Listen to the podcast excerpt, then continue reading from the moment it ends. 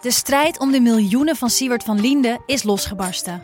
Zowel de staat als zijn stichting eisen de mondkapjeswinst terug.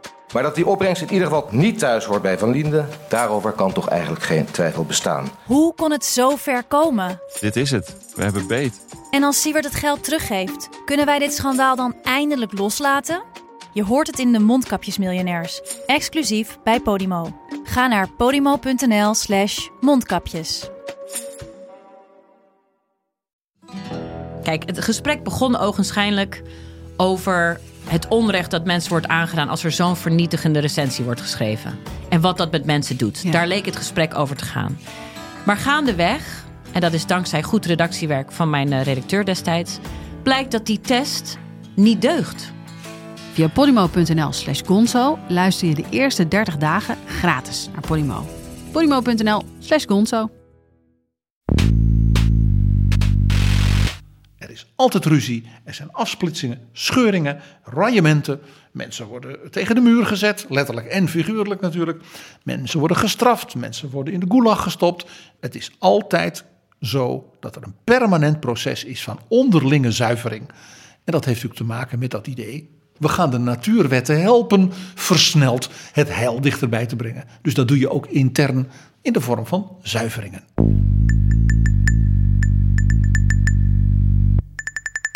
Thierry voelde zich opgesloten, zegt hij. En daarom kon hij het ook niet meer hebben over de onderwerpen waar hij het over wilde hebben. Ik citeer: Ik ben een leeuw en die moet achter een antilope aan kunnen, niet in een kooi zitten. Dus ook hier weer die, die, die biologische interpretatie van de werkelijkheid. Ik ben een soort superieur dier. Dat andere dieren dus moet kunnen opvreten. Dat is in feite wat hij zegt. Hoogst opmerkelijk als je dus kijkt naar dus die diepere wortels van het denken in met name dus die 19e eeuw. Dit is Betrouwbare Bronnen met Jaap Jansen.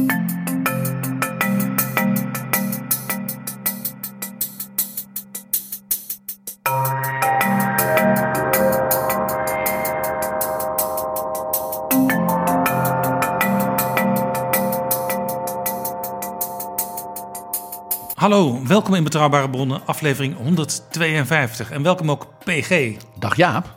PG, wat hebben wij de afgelopen tijd gezien? Daar gaan we het over hebben. Wat hebben we allemaal niet gezien, Jaap? En dan doel ik natuurlijk op het Forum voor Democratie. Maar dat was niet het enige. 50 plus.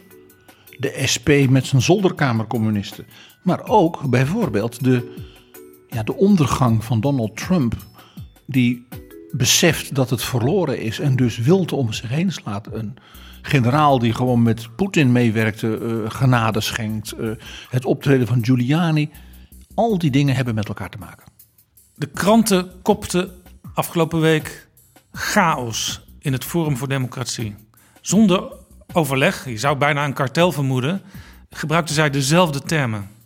Het woord chaos sprak mij ja, historisch aan. Het is natuurlijk oud-Grieks. En chaos is het woord dat de Grieken gebruikten. En zo dus is het ook in de Bijbel gekomen. Voor de oertoestand van de wereld voordat de wereld er was. De oersoep.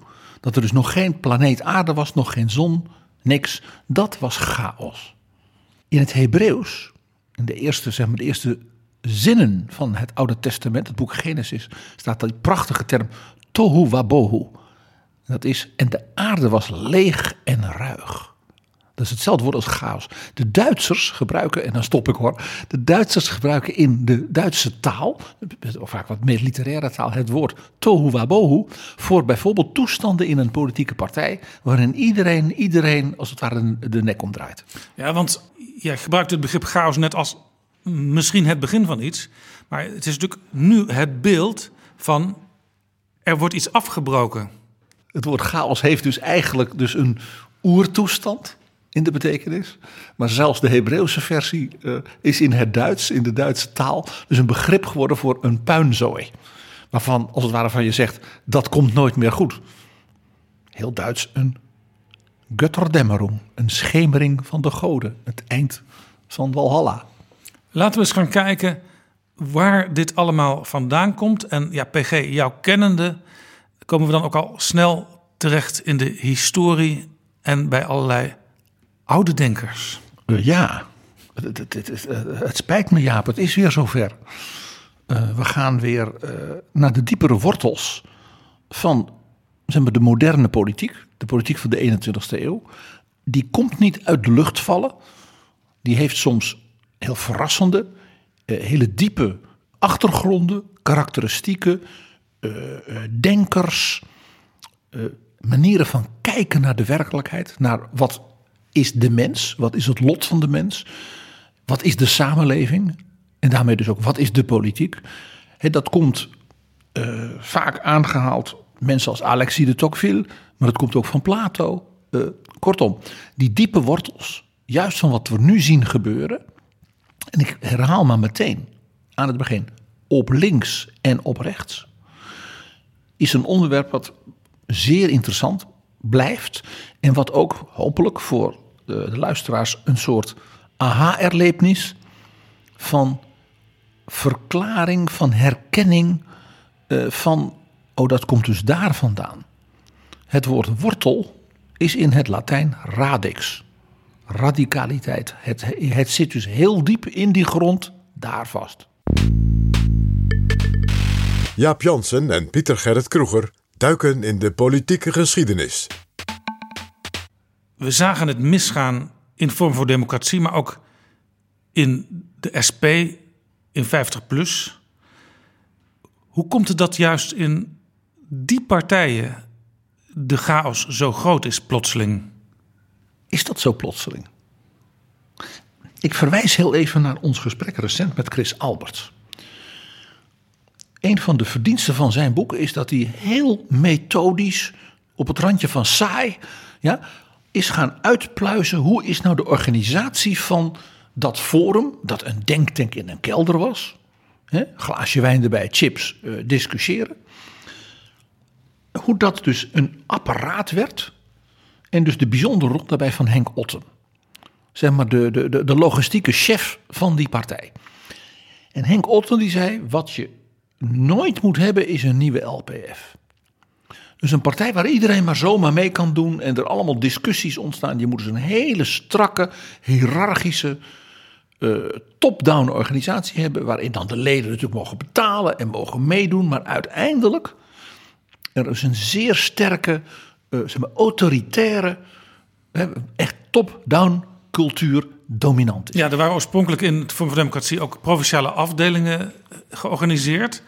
Maar die werden alweer snel afgeschaft omdat ze iets te autonoom gingen opereren. Die gingen zomaar zelf dingen vinden. En die wilden eigenlijk zelf een verkiezingsprogramma bedenken. Ja. Voor hun provincie. Voor Drenthe, voor Flevoland, voor Zeeland. En het interessante was, daar zag je dus een eerste soort van conflict tussen Otten en Baudet.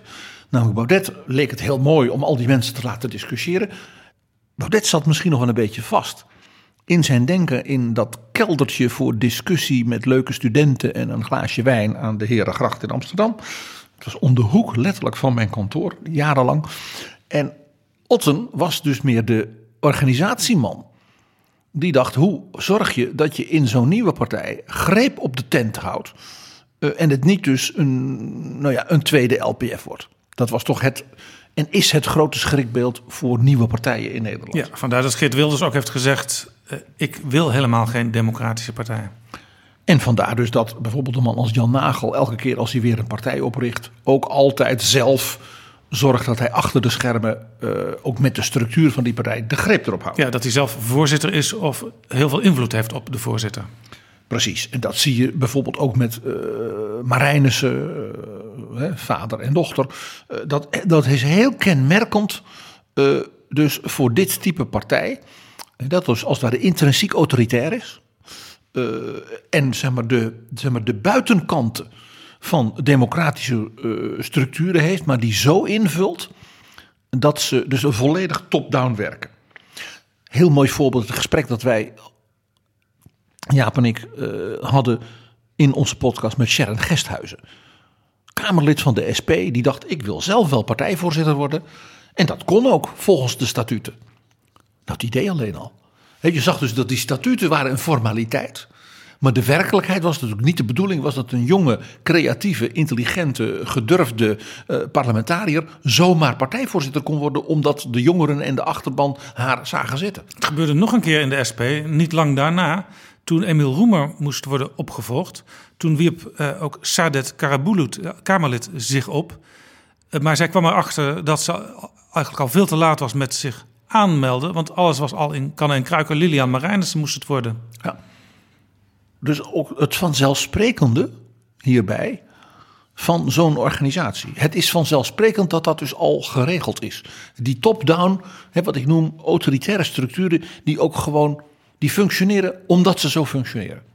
Ja, en zoals de 50PLUS-partij nu een nieuwe lijsttrekker heeft, eh, mevrouw Liane Den Haan, die van buiten komt, die op het, eh, het oerstandpunt van de partij, het pensioenstelsel, een diametraal andere opvatting heeft dan de partij jarenlang in de Tweede en de Eerste Kamer heeft uitgevend.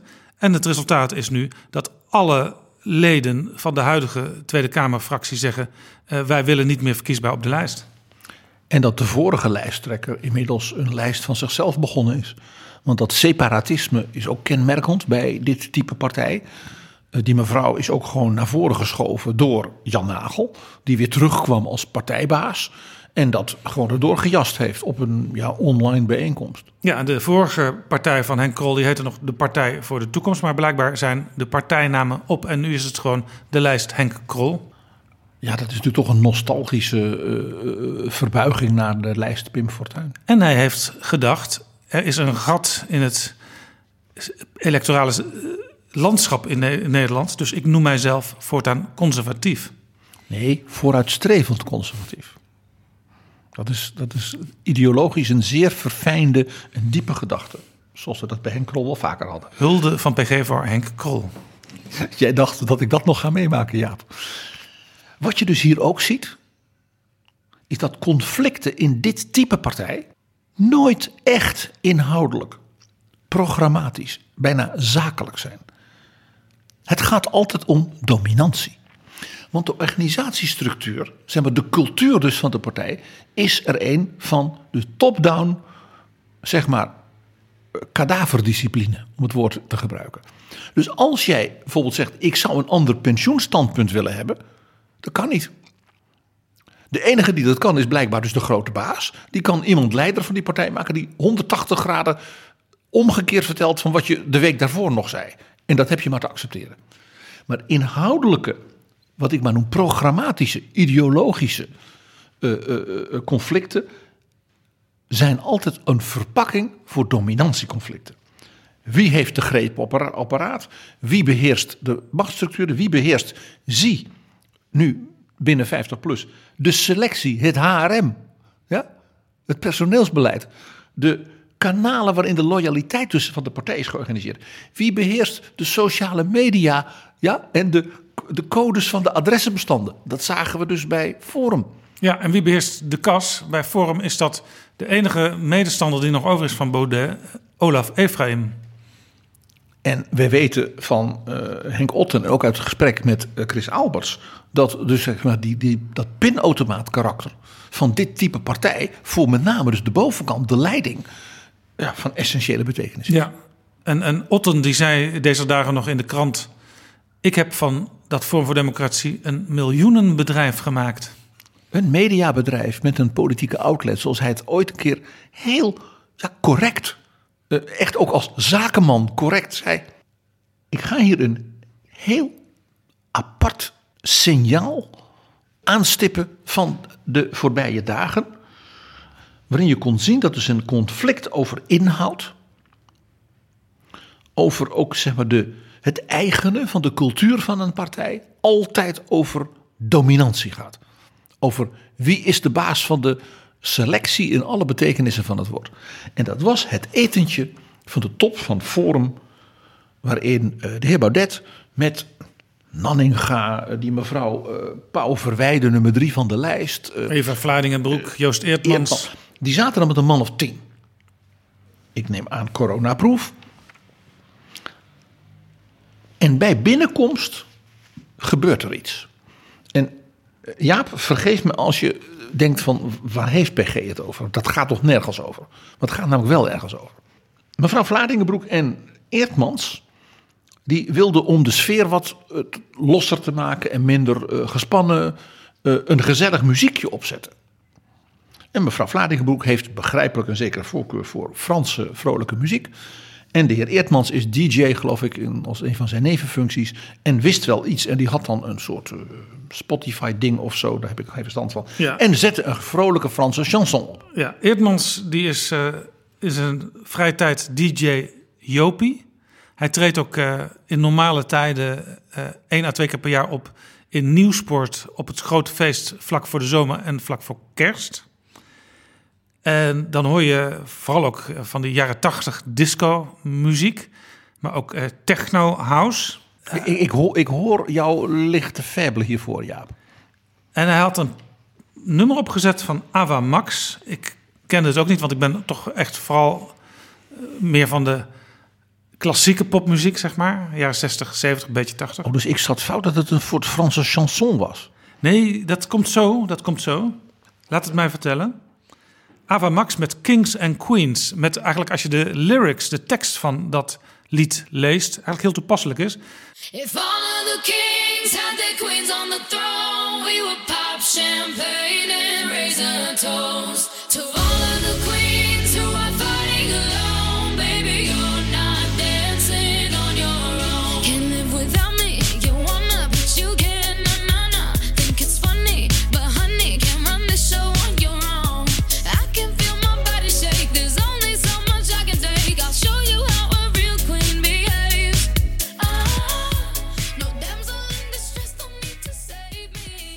Ik lees even voor.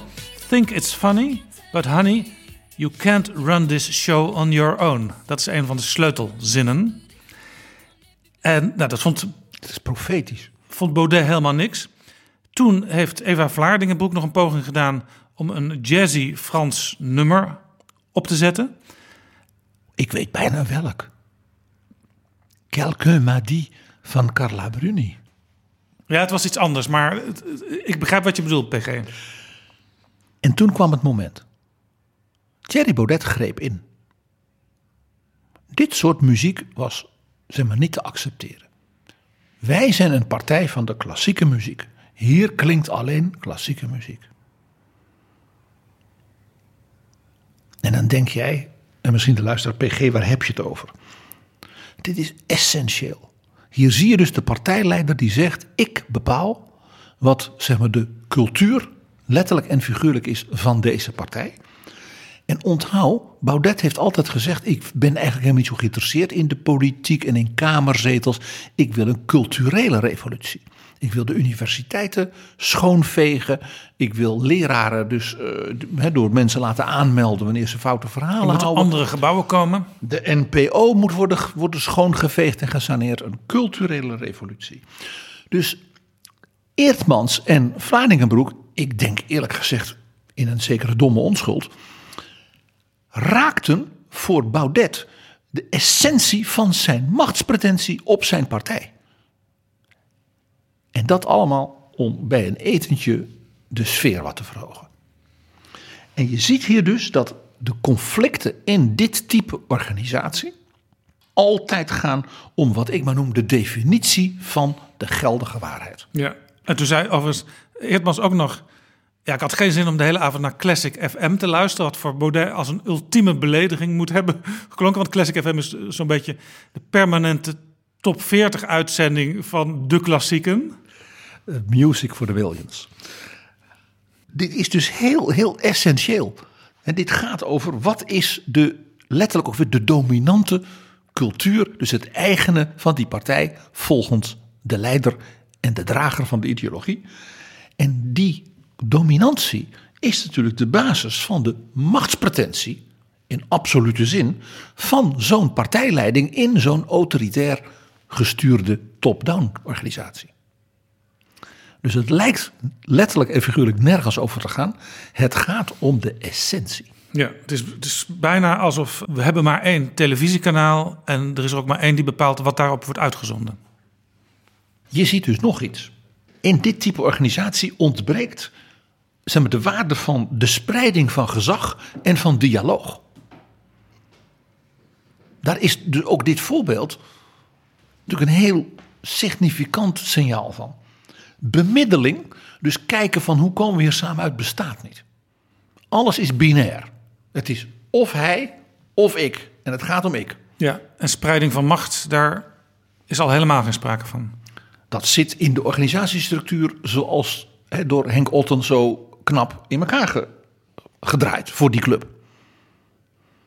Baudet heeft ook alle reden, zeg ik altijd, om Henk Otten ongelooflijk dankbaar te zijn. Door zeg maar, het, zeggen, het maatkostuum in organisatorische zin dat hij heeft gemaakt voor een absolutistische machtspretentie. Dat moet je toch toegeven. Ik vond dus ook het grappig, het moment dat er dus in die partij werd gesuggereerd dat er een commissie van goede diensten zou moeten komen onder leiding van professor Cliteur, de promotor van Baudet, Eerste Kamerlid. En dat men zou kunnen kijken van, nou ja, dan maken we Baudet wat lijstduwer en dan iemand anders lijstaanvoerder. Op dat moment wist ik als beschouwer, het is over. Want intrinsiek in dit type organisatie is dat een commissie van goede diensten. Nee, het hele idee van goede diensten door anderen te formuleren niet bestaat. En op het moment dat je zegt de lijstaanvoerder maken maar de lijstduwer, dan heb je dus ingebouwd een ontkenning van dus die absolute machtspretentie. Dat kan dus helemaal niet. En dat zag je dus ook in 50 plus. Denk ook weer aan ons verhaal met het gesprek met Sharon Gesthuizen. In de wijze waarop zij dus een tegenkandidatuur met discussie ja, eh, tegenover Ron Meijer, de kandidaat van de Marijnessens. En zij dacht, ik ga met hem in discussie bij de afdelingen en eh, we gaan onze ideeën voor de toekomst van de partij en een soort links eh, Want progressief we zijn Nederland als brengen. SP toch een democratische partij. Ja. En ja, dat kon dus niet. Formeel natuurlijk wel. En hetzelfde zag je binnen 50 plus. Er is nu ook een boek verschenen van de vertrokken voorzitter. En Geert Dales vertelt dus dat hij eh, hele goede banden had met partijleider Henk Krol. En hij zegt, ik heb echt twee bijzonder leuke jaren met hem gehad. En er is iets in hem gevaren, zegt hij dan. Want hij vertelt dus dat ze nog eh, een gezellige avond hebben gehad, de twee echtparen. Eh, we kregen planten en lampen voor op het terras. Veertien dagen later zat Henk aan tafel bij Jinek en zei hij de vreselijkste dingen over mij. Mijn man Rinse en ik keken elkaar aan. Dit kan toch niet waar zijn? Ik kreeg de ene trap na de andere. Hij heeft me keihard laten vallen. Hij bleek een even grote opportunist als de rest. Ook hier kun je je afvragen, wat nu bij Vorm voor Democratie ook klinkt. Had je dat niet kunnen weten en had je al niet eerder signalen gezien? Het zit dus intrinsiek in dit type organisatie. Je geeft planten voor op het terras. En daarna brand je iemand gewoon openlijk af. Want hij ondermijnt de essentie van wat de top-down machtspretentie van de leiding in zo'n partij is. Vandaar dus dat Jan Nagel, hoewel zeg maar functieloos in die partij, officieel, alles deed. Hè, via zijn kanalen in die partijstructuur, hè, daar heb je het dus weer. eh, om Geert Dales eh, eh, nou zeg, te elimineren. Ja, en inmiddels is Jan Nagel weer voorzitter in zijn eigen redenering, omdat er blijkbaar niemand anders is die in deze fase dat kan doen. Dat is ook nog de essentie, dat dat niet kan. En Dales die, die, die, die, die staat erbij en kijkt ernaar. En, en Dales zegt dan dit over Jan Nagel. Een Rasputineske manipulator, een rattenvanger. Een man die het niet kon verkroppen dat niet hij, maar anderen een succes van zijn partij maakten. Ik, ik weet dat het niet aan mij is om een medisch oordeel te vellen. Maar het is, op een psycho, het is op het psychopathische af. Het is voer voor psychologen. En hier zie je dus ook iets. De tegenstander, kenmerkend voor dit type organisatie, moet als het ware gedehumaniseerd worden. Het is een medisch geval. Het is een Rasputin. Het is een bijna niet-menselijke figuur. opmerkelijk hoe dus ook in het brave Nederland dus dit type taal, dit type manier van denken en dus ook dit type organisatie eigenlijk voldoet aan, je zou bijna kunnen zeggen, de wetten die voor dit soort organisaties al eeuwen gelden. Ja, het is makkelijk om te zeggen: eh, deze persoon is een psychiatrisch geval, want al snel zie je dan iemand verdwijnen in een inrichting. En dus zie je dat wie een vraag stelt of een alternatief wil, bijvoorbeeld zegt: Ik wil wel voorzitter worden, dat die dus intrinsiek fout is. Want als de partij ja, die autoritaire structuur heeft met een machtspretentie aan de top, ja, dan kan er ook maar één waarheid zijn. Dan is er één groep in die partij die de baas is. Dus wie dan een vraag stelt, is een ketter. Dat is per definitie zo. En ja, als je dus iets wil agenderen van zouden we misschien niet eh, vanuit onze ideeën nog die en die stap kunnen zetten. Ja, dan moet je, eh, en dat zie je wat dus dat met die zielige eh, jongens van rood gebeuren in de SP. Wat je er ook verder van vindt. De zolderkamercommunisten. De zolder. Ja, ik vind het een prachtige term. Eh, eh, echt prachtig. Ik zal eh, in het verloop van het verhaal nog de ultieme zolderkam zolderkamercommunist nog eer bewijzen. In, uit de 19e eeuw uiteraard. Ja, rood is overigens een interessant geval, want dat is de jongere afdeling van de SP. En kijk, er is er altijd natuurlijk een relatie tussen de jongerenclub en de moederpartij. Maar hoe innig die relatie is, dat, dat verschilt heel erg per partij. Maar bij de SP was die relatie zeer innig. Dus dat juist daar iets gebeurd is, is opmerkelijk. En dus in lijn met wat je zag met Frederik Jansen en Baudet en de jongerenorganisatie van het Forum. Het is krek hetzelfde. Namelijk interne radicalisering bij de jongerenorganisatie. Dat eh, omdat de jongerenorganisatie in feite helemaal verklonken zit in de partijtop. eh, als, ach ja, eh, laat ze nou, eh, qua jongensstreken, studentikeus, ja, dat soort dingen. Maar op het moment dat dus de partij die ontwikkeling ineens als een bedreiging van het machtsabsolutisme van de top ziet, is het over. Dan worden die mensen hun, worden ze uit de partij gegooid. Dan wordt hun, eh, hun, hun, hun, hun budget wordt tot nul gebracht. Alle mechanismen van dus wat ik al eerder zei. Niet een inhoudelijk conflict, maar een machtsconflict. Gaan dan meteen spelen. En dan blijkt het ineens allemaal al veel te ver te zijn gegaan. En het gekke is dat niemand eerder daar echt eh, een probleem in vond. Omdat de, eh, de gedachte van de meest radicale versie van zeg maar, het machtsidee altijd in zo'n partij eh, voorop staat. Dat zullen we in het volgende van dit gesprek ook nog wel gaan merken. Dus ik vind die, die, die rood eh, jongens, eh, behalve dat ik ze enigszins vermakelijk vind met hun eh, zeg maar, neo-Stalinistische denkwijze, ik vind ze ook vooral een beetje zielig. Want ze zijn onbedoeld een voorbeeld dat wat er in Forum met die jongeren gebeurt, in feite op een vergelijkbare manier, analoog, aan de andere kant van het hoefijzer precies zo gebeurt. Waar komt dit vandaan? Want als we oude afleveringen van Betrouwbare Bronnen beluisteren, bijvoorbeeld de aflevering onlangs met Abraham Kuyper, maar ook eh, de aflevering over de sociaal-liberale kanon, dan zien we dat in de afgelopen paar eeuwen zeg maar, de democratische ontwikkeling van Nederland plaatsvond en ja, zich steeds meer, zou je kunnen zeggen, perfectioneerde in de richting waarin we die na de Tweede Wereldoorlog gekend hebben. Maar hier lijkt toch weer een soort terugslag naar veel verder in de geschiedenis terug.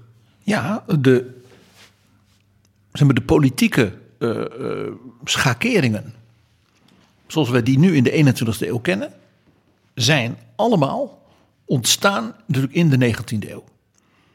Tijd van de industriële revolutie, waarbij dus massa, productie, massa, mobiliteit, denk aan de spoorwegen en, de, en de stoomschepen, de enorme migrantenstromen naar de Verenigde Staten, naar Australië en Canada en dergelijke. Massa media, massa onderwijs. Ineens moesten alle kinderen wel een beetje kunnen lezen en schrijven, anders konden ze niet mee in de moderne industrie.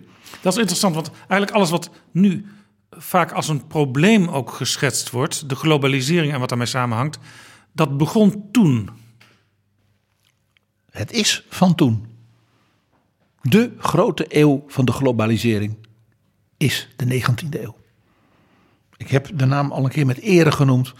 Je weet wel dat boek dat Angela Merkel op een wandelvakantie voor haar plezier las van 1300 pagina's van professor Jürgen Osterhammel, Die Verwandlung der Welt, de geschiedenis van de 19e eeuw, waarin hij dit op alle terreinen des levens van zeg maar, de voedselproductie tot en met de spoorwegen, de kranten, de ontwikkeling van de universiteit als iets heel nieuws van die tijd, het massa-onderwijs, eh, de media, het ontstaan van vakbonden, eh, alles ja, in één briljant geheel geanalyseerd. Lees dat boek.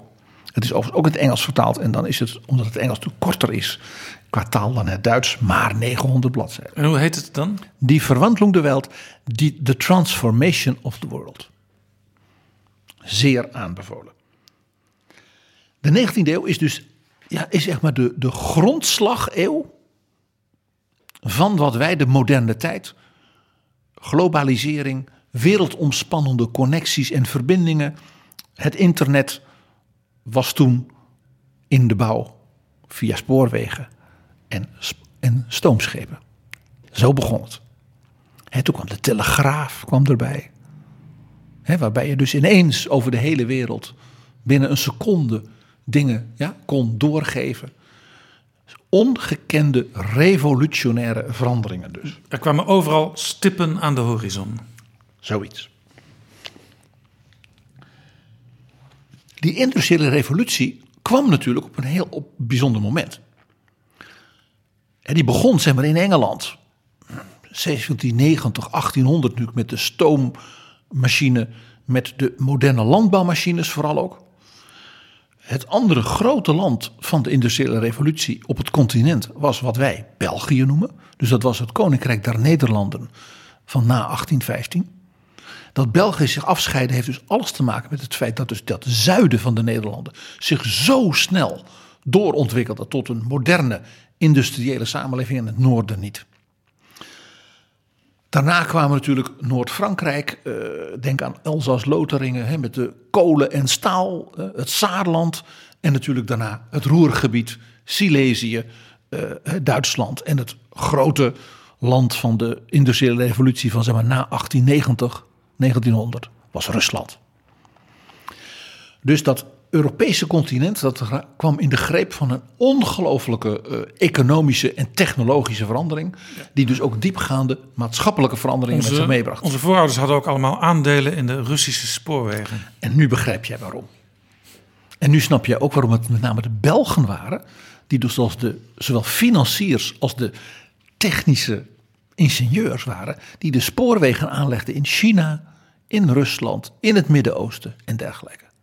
België was in die tijd het Silicon Valley en Shanghai van Zij de 19e hadden eeuw. ervaring, zij wisten hoe het moest. En ze hadden het in eigen land ook al gedaan. Zie ook tot de dag van vandaag de enorme intensiteit van het spoorwegstelsel in België. Nou kwam die industriële revolutie dus in Europa echt op stoom, zeg maar na 1830, 1840, 1850.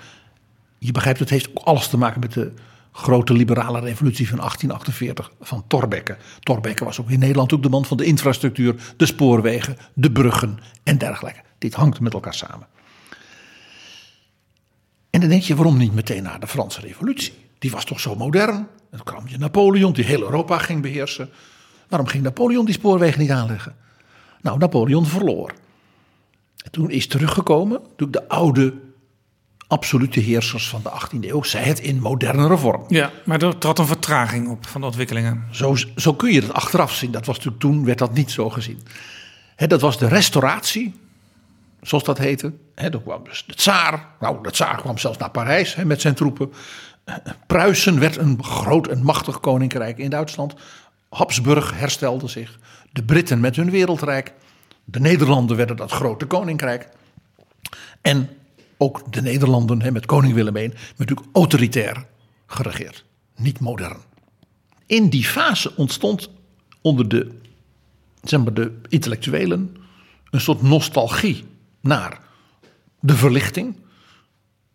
Die natuurlijk ook in een autoritair, zelfs toen nog door de kerk, zeker in Frankrijk en zo, gedomineerd Europa opkwam. Voltaire, Montesquieu, alle grote denkers. eh, de, de Weimarer klassiek van Goethe en Schiller. En dat kwam als het ware nostalgisch terug. Eigenlijk moeten we dat doen. En men zei dus weg met die restauratie. Met de daarbij behorende eh, romantiek naar het verleden. Denk aan de neogotische bouwkunst. Hè. Men ging ineens terug naar de middeleeuwen. Dat was modern. En toen kwam dus de, nou wij zouden zeggen, revolutionair liberale beweging op. 1848. En in 1848 schreef ook een Karl Marx het Communistisch Manifest. Dus je zag een soort radicalisering van het denken. Weg met wat ze noemden troon en altaar. Weg met die absolute vorsten, met hun censuur, met het antiliberale, romantische idee van de samenleving. Ja, dat is interessant. Er was dus een, zeg maar, een pragmatische modernisering van Thorbecke. En tegelijkertijd was ook Karl Marx bezig met zijn manifest. Dus er was ook radicale stromingen die ontstonden eh, tegen zeg maar, de restauratie hè, van na de Franse Revolutie. En een heel belangrijk aspect was hier dat helemaal nieuw was. En dat was door die industriële revolutie en door dus die enorme opgang ja, van kennis en technologie was de gedachte wij kunnen nu wetenschappelijk bewijzen hoe we de samenleving en de wereld kunnen verbeteren en moderniseren. Daarbij bouwden ze voort natuurlijk op Newton, hè, die dus de, de, de grote natuurwetten zag. Een man als Galilei die, die liet zien, het heelal bestaat uit veel meer dan alleen dat ene kleine planeetje. Hè, Christian Huygens die ontdekte dat er rond Saturnus maantjes waren, zoals de aarde er ook eentje had.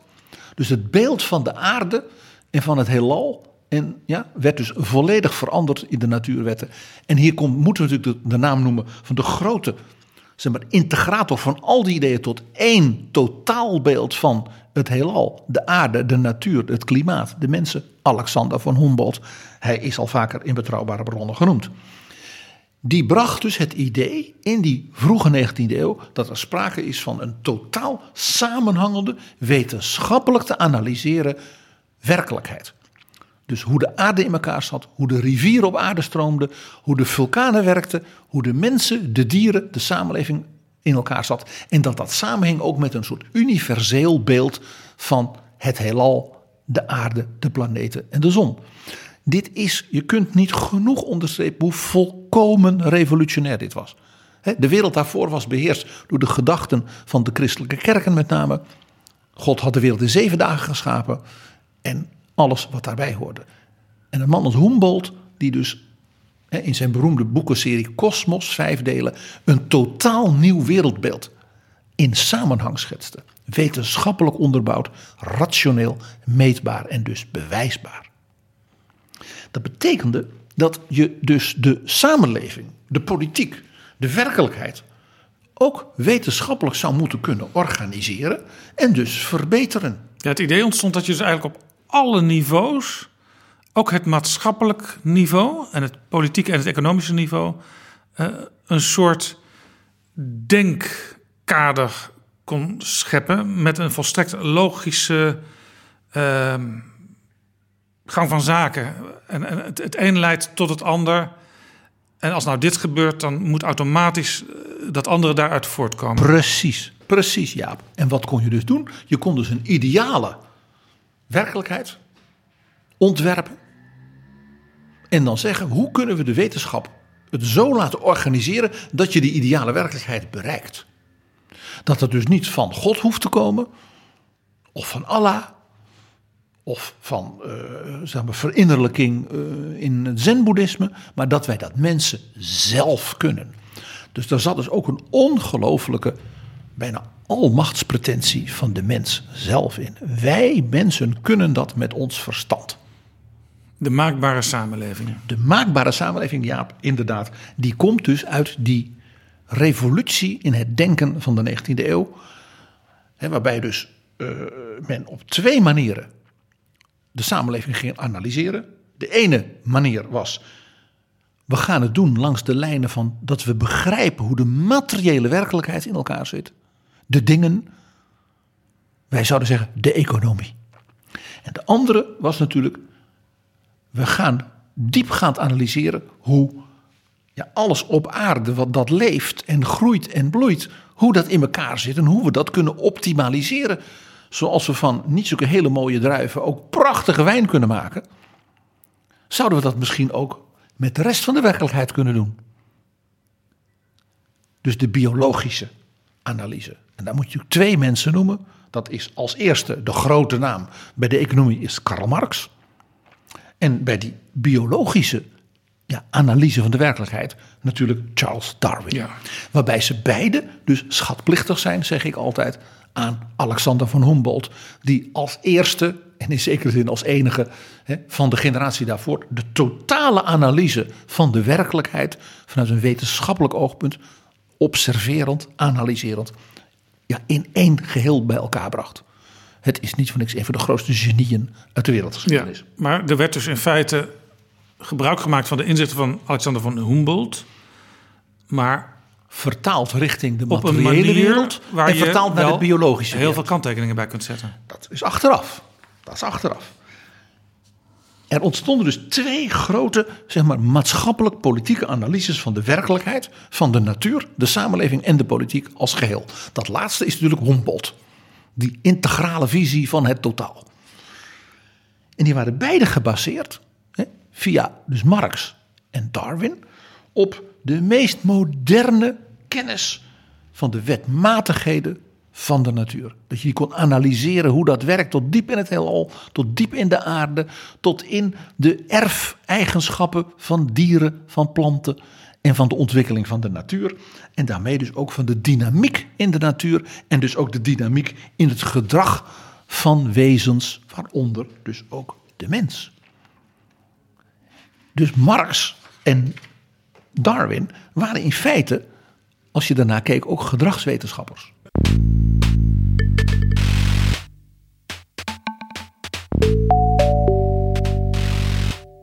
Laten we even doorgaan op wat je zou kunnen noemen eh, die linkerkant in het ontwikkelen van het denken. Want Marx had een wereldbeeld wat hij noemde het dialectisch materialisme. Wat hij dus bedoelde, dialectisch betekent dus je hebt stelling, tegenstelling. En in die zin dus binair. En het is altijd dus materialisme. Dus Marx zei, analyseer hoe dus de materiële werkelijkheid zich ontwikkelt. Want die bepaalt wat er vervolgens zeg maar in gedrag en in organisatie en hoe menselijke omgang met elkaar eh, eh, eh, zich, zich verder ontwikkelt. De onderbouw bepaalt de bovenbouw, Ja. zoals de Marxisten dat dan Het later materiële gingen gaat dus voor het culturele. het materiële is de basis, de voorwaarde voor het culturele. Ik ben op dat punt dus, eh, jouw formulering is heel leuk, dat is een typische formulering van de anti-Marxisten. Ik ben op dat punt altijd wat voorzichtiger. Karl Marx was als denker, 19e eeuwse denker, want zo moet je hem altijd zien, met zijn dingen, een ongelooflijk briljante man. Hij was niet voor niks ook degene die altijd wat spottend waarschuwde voor mensen die zich later Marxisten zouden noemen. Dus je zou kunnen zeggen, Marx zelf was geen Marxist. Althans, hij had dat niet willen zijn. Hij kon het niet zijn, want zijn denken was nog niet helemaal volmaakt. En het komische was dat hij eh, zijn werk kon doen, dat schrijven van eh Das Kapitaal en het manifest, het communistisch manifest. En al die boeken en tijdschriftartikelen. En de man heeft zich. Het was een, bijna een Abraham Kuyper qua productiviteit. Eh, gefaciliteerd door een familielid, de familie Philips in Zaltbommel. Ja. Karl Marx was familie van de Philipsen. En hij was getrouwd met Jenny von Westphalen. Dus een vrouw uit een prinselijk geslacht in Duitsland. En zijn dagelijks leven werd gefinancierd door de zoon van een van de miljardairs van die tijd. Je zou zeggen, zeg maar, de zoon van Steve Jobs, Friedrich Engels. Zo gaan die dingen Ja, soms. dus je zou kunnen zeggen, eh, Karl Marx werd mede mogelijk gemaakt door een gloeilampenfabriek uit het zuiden des lands. Die toen nog moest ontstaan. Ja. ja. Karl Marx is de ultieme zolderkamercommunist.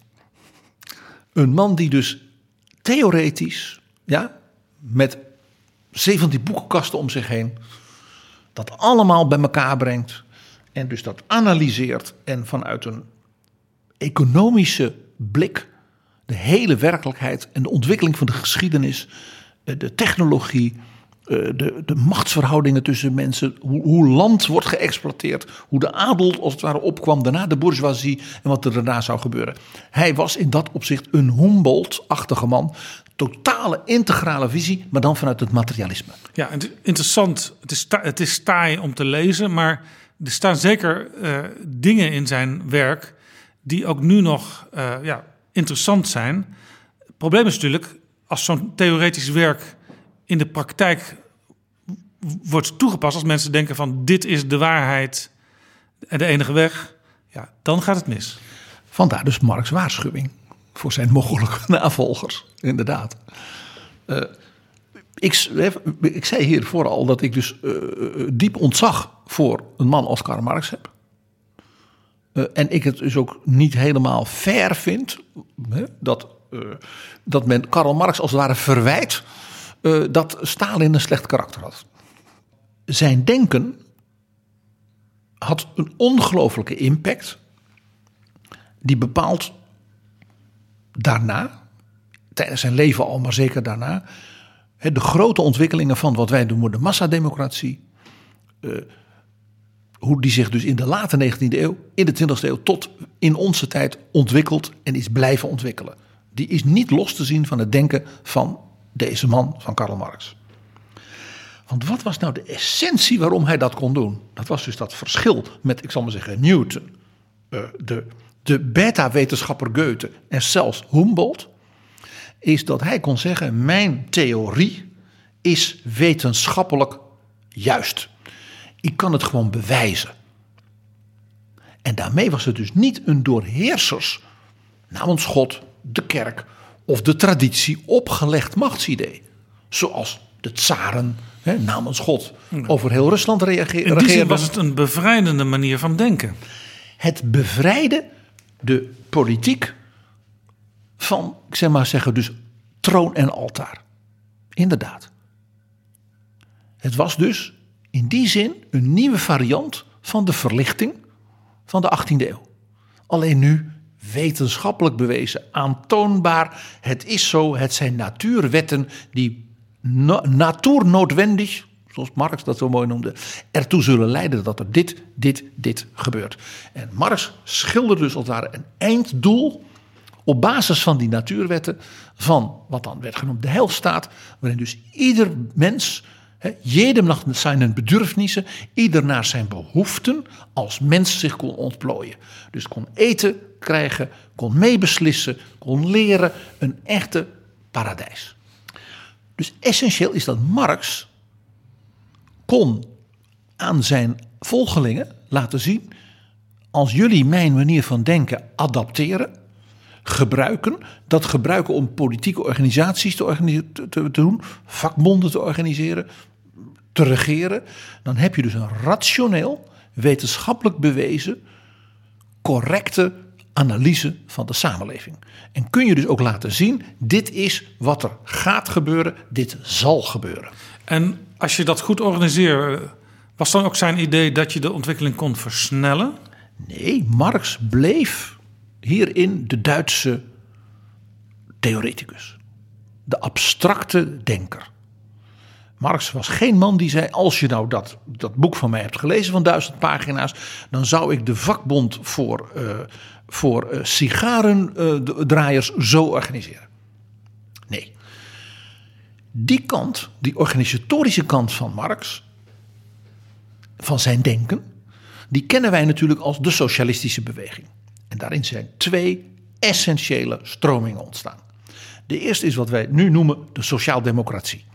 De sociaaldemocratie zei binnen dus een massademocratische samenleving, die dus aan het ontstaan was, hè, met mensen als Abraham Kuyper in Nederland ook, en Domela en zo. Binnen die samenleving gaan wij met deze ideeën proberen een meerderheid te krijgen van de bevolking en gaan we dus sociale wetten doorvoeren.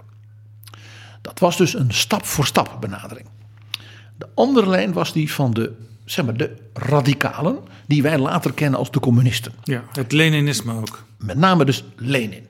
Lenin had één enorm probleem namelijk. Volgens de theorie van Marx was het ook duidelijk waar die ideale samenleving zou gaan ontstaan. Dat kon je gewoon zien in Europa In de industriële wereld. en de industriële wereld.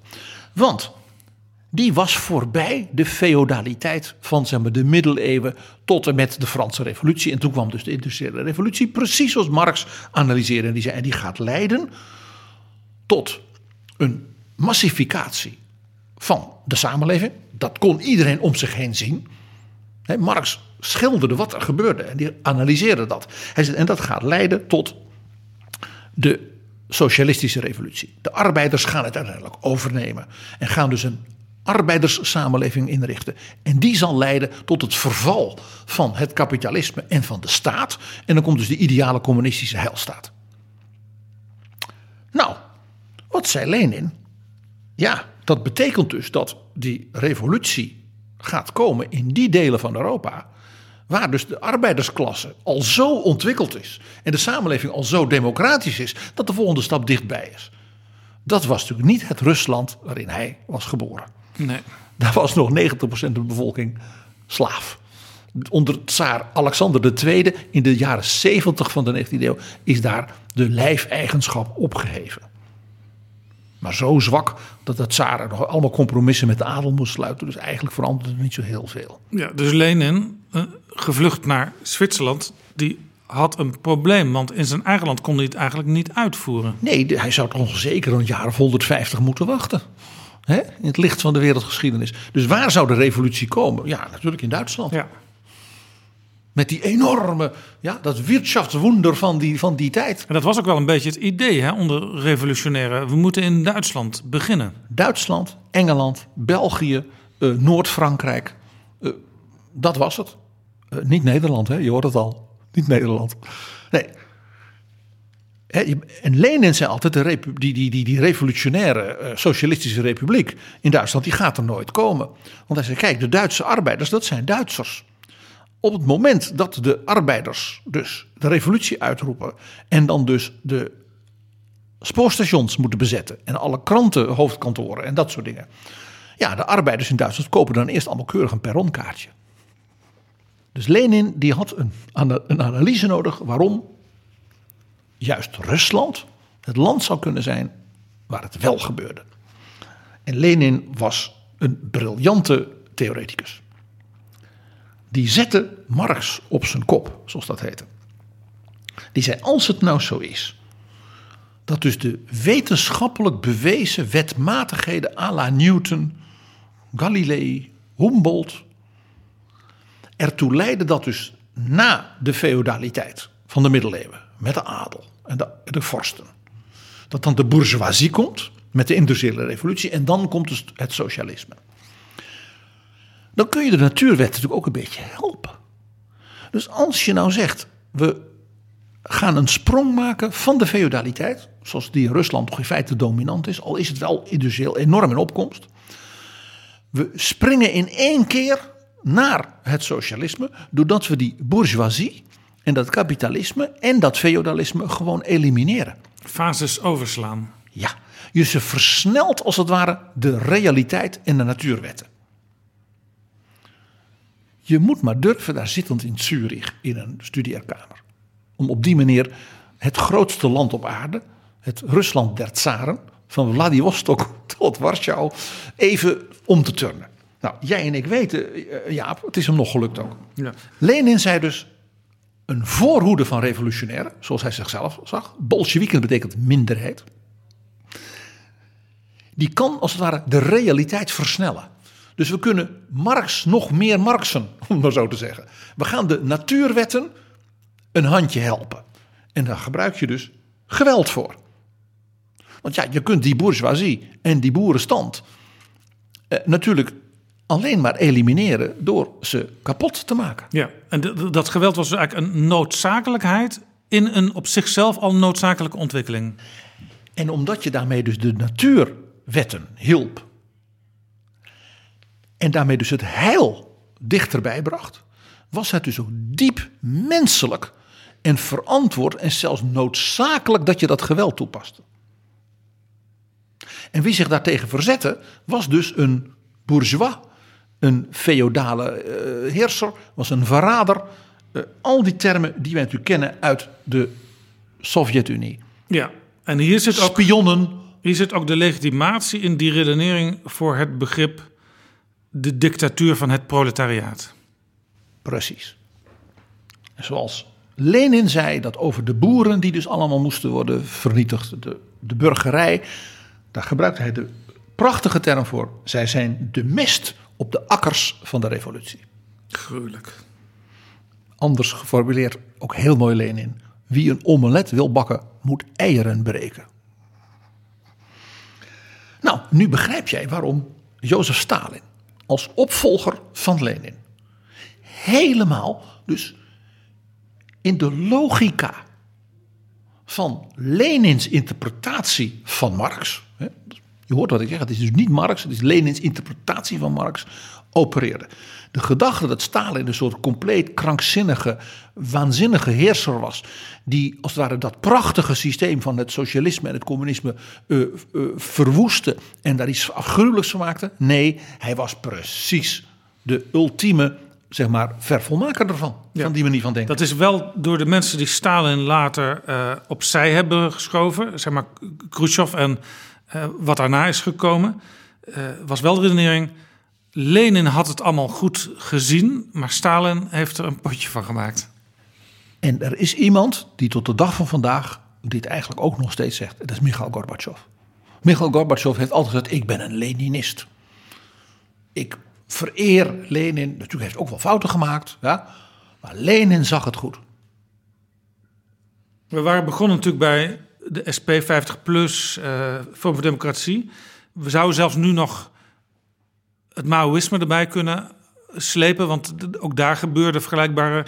Wat Stalin, Dingen? wat Stalin deed met de boeren in de Oekraïne. Met de massale deportaties van de bevolking in de Baltische landen. Estland, Letland, Litouwen. Wat hij deed met de volkeren in de Krim.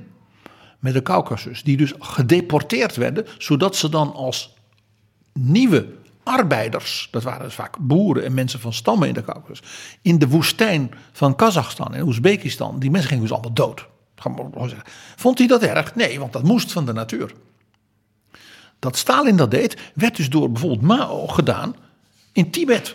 Want Tibet was een feodaal, door monniken eh, beheerste samenleving. En dat moest dus versneld, helemaal in Leninistische zin en Stalinistische zin, naar de realiteit van het moderne China, het communistische China worden gebracht. De Dalai Lama ja, en zijn vluchtelingen zijn daar het slachtoffer van. tussentijdse samenvatting. Er is een theorie. Die theorie die is, zit zo goed in elkaar. Daarin kun je lezen hoe de ontwikkeling der mensheid zich gaat voltrekken. Het moet, want het is wetenschappelijk waar. En als de omstandigheden niet helemaal optimaal zijn naar die theorie, dan veranderen we die omstandigheden door enkele fasen over te slaan in de ontwikkeling. Prachtige Duitse uitdrukking in die wereld. Dit klopt niet met de feiten. Ja? Er stimmt niet met die Tatsachen. Leider für die Tatsachen. Dat is dan jammer voor de feiten. En wat er dus gebeurd is onder Pol Pot op de killing fields. Wat Mao deed met de Tibetanen. Wat Stalin deed op de Krim en de Caucasus. Het is allemaal één en hetzelfde. De gedachte dat je een wetenschappelijk bewezen analyse van de werkelijkheid hebt. En dat je die dus kunt opleggen aan de werkelijkheid. Dit is Betrouwbare Bronnen, een podcast met betrouwbare bronnen.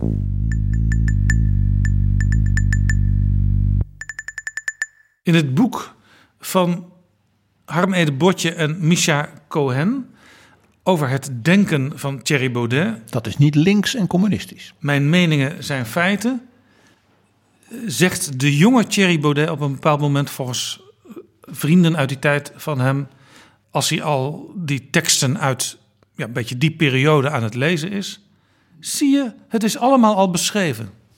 En daar heeft Baudet gelijk. Zoals ik al zei, hè, lees het boek van Osterhammel. Die 19e eeuw ja, en de worsteling van de denkers van die tijd. Hè, de eerste grote integrerende Humboldt, dan Marx en Darwin, want die gaan we nu behandelen, die hebben de basis gelegd, en zo is dat, voor de manier waarop wij naar de werkelijkheid en ook naar de politiek zijn gaan kijken. En dus ook voor bepaalde politieke stromingen. En ja, dus hun ontwikkeling en hun radicalisering en alle gevolgen daarvan in de wereldgeschiedenis. Wat is de invloed op het denken door Darwin? Eh, Darwin, ja, dat is die tweede grote verklaringsanalyse, zeg maar na Humboldt. De economische Karl Marx, de biologische Darwin. Darwin publiceerde helemaal voortbouwend op Alexander van Humboldt. Hij heeft toen Alexander Humboldt in Londen was, toen was hij al in de 60, zich bij hem gemeld om maar één reden. Hij wou Alexander van Humboldt een hand kunnen geven. En vertellen, u bent mijn grote voorbeeld en inspirator. En toen ging je dus naar die Galapagos-eilanden, net als Alexander van Humboldt, naar Zuid-Amerika, zo ver mogelijk weg van Europa, om daar te kijken hoe werkt dat nou. Dat leidde tot het beroemde boek The Origin of Species, 1859, het jaar dat Alexander van Humboldt stierf. Ja. Ook weer in die tijd waar Thorbecke in Nederland actief was. Natuurlijk. Nou is het van groot belang dat ik meteen nu zeg, als we het hebben dus over die biologische verklaring van de werkelijkheid, ook wel het sociaal Darwinisme genoemd, dat dat dus niet van Darwin is. En al helemaal niet van Alexander van Humboldt. Ja. Eh, vergelijkbaar met het Marxisme, wat ook niet in de vorm waarin het later bekend werd van Marx was. Zij hè, dat Marx zich natuurlijk door op de bijeenkomsten van de Socialistische Internationale natuurlijk wel liet vetteren en ook als inspirator liet huldigen. Dat is dus bij Humboldt en bij Darwin niet het geval.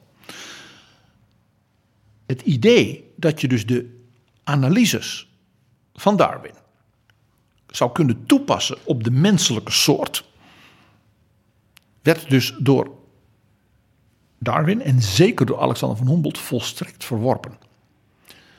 Zij zeiden alle twee, en Humboldt het meest pregnant in zijn boeken, de menselijke soort, dat is één groep. Die is ontstaan in de wereldgeschiedenis, hè, dat is een biologisch proces. En dat er bij die mensen verschillen zijn. Dat een, een Eskimo in Alaska er anders uitziet dan een Aboriginal in Australië. Dat doet er in die zin niet toe, want je hebt ook tulpen die rood zijn en tulpen die geel zijn. Hier komt ook het begrip de human race vandaan. Het is één geheel. En Humboldt was, ging dus zo ver, dat weten wij uit zijn reizen, dat hij dus onten, intens geïnteresseerd was in de stammen in de Amazone en de Orinoco en daar diep in Kazachstan en in Mongolië en waar hij over maar heen kon. En dat hij bijvoorbeeld drie maanden lang, ik zal het verhaal niet te lang maken Jaap, drie maanden lang omdat hij een soort gele koortsachtig malaria ding had, in de Amazone, in de, in de wouden daar, in gesprek raakte met een indianenstam waarvan hij merkte dat hun taal zo intelligent in elkaar zat dat hij hen moeiteloos Spaans en Frans en Duits kon leren en hij hun taal heel snel kon leren. En hij zei dus: Ik ben nergens op aarde een zo hoog ontwikkeld taalsysteem tegengekomen als on- onder deze mensen. Hij was dus gefascineerd van Humboldt door het feit dat ja, in tamelijke isolatie op verschillende plekken in de wereld mensen zich ontwikkelden op een bepaalde wijze. En dat eh, bij wijze van spreken de ene groep ook nog van de andere groep kon leren als ze met elkaar kennis zouden maken. Dat absoluut. En vooral ook dus dat het menselijk vernuft in alle groepen op aarde.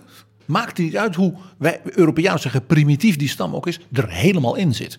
Dat er dus vooral geen soort. Hij was dus absoluut geen koloniaal denker. Het feit dat hij een van zijn medewerkers, José, een Indiaan uit Ecuador, meenam op zijn reis onderweg. En vervolgens meenam naar president Jefferson in Washington. En vervolgens meenam naar Europa als zijn vriend, als zijn assistent. Gaf aan dat Humboldt dus was volstrekt gespeend van enig wat wij nu zouden zeggen racisme. Maar het idee dat zeg maar, de menselijke soort toch ook onderdeel dan moest zijn van die wetenschappelijk bewezen biologische ontwikkeling. Kenmerkt dus voor het determinisme.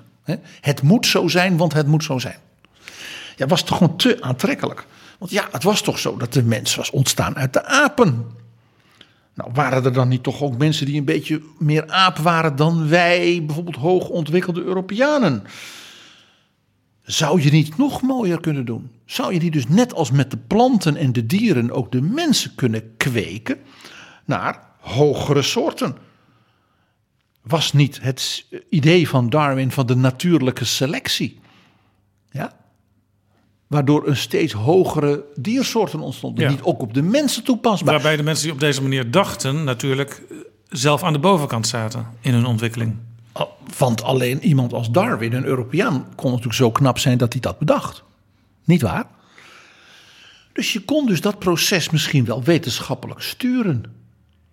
Die natuurlijke selectie. Zoals een boer dat ook deed met graan. En zoals een wijnboer dat doet met de allermooiste druiven en daar nog betere wijn van maakt. Waarom zouden we dat met de mensen dan niet ook kunnen? En als dat nou kon, dan was dat dus wetenschappelijk bewijsbaar. Dus was het objectief en droeg het bij aan het heil der mensheid. En dus was het goed. Jij, ik zie jou al knikken, Jaap, want jij, ik zie jou al voelen, dit gaat een hele enge kant op, als we niet oppassen. Nou, daarbij was natuurlijk voor de Europeanen van die tijd, want daar hebben we het over, natuurlijk één ding helder. Die keken naar de wereld van 1870. En die zagen een superieur Europa. Een blank ras dat in de hele wereld, ja, met spoorwegen, met stoomschepen en met koloniale heerschappij, alle volkeren aan zich had onderworpen. Ja, eigenlijk was het bewijs al geleverd. Je moest nu alleen nog even de theorie erbij bedenken. Inderdaad.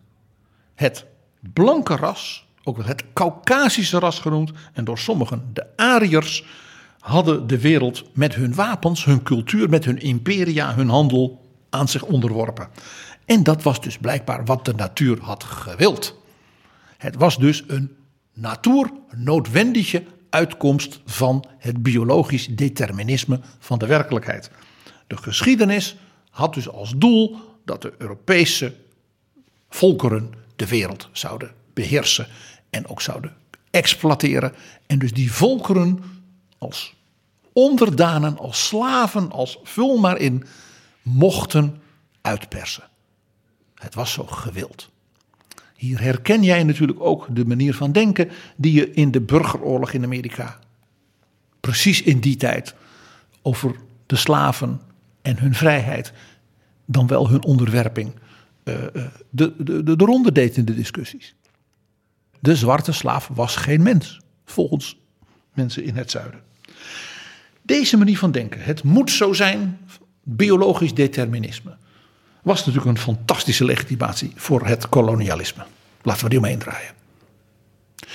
Er waren die dus ook zeiden dat betekent dat de, het blanke ras een soort opdracht heeft om die minder ontwikkelde groepen op te tillen. Dat was de zogenaamde ethische politiek. Maar ook die ethische politiek, hoe goed bedoeld ook, en vanuit nobele overwegingen, daar zat natuurlijk dat superioriteitsidee wel in. Ja, dat was zeg maar ook het koloniale denken. Het ethische denken in de koloniale sfeer. ja. De, de veel hardere lijn was natuurlijk gewoon: wij mogen ze exploiteren.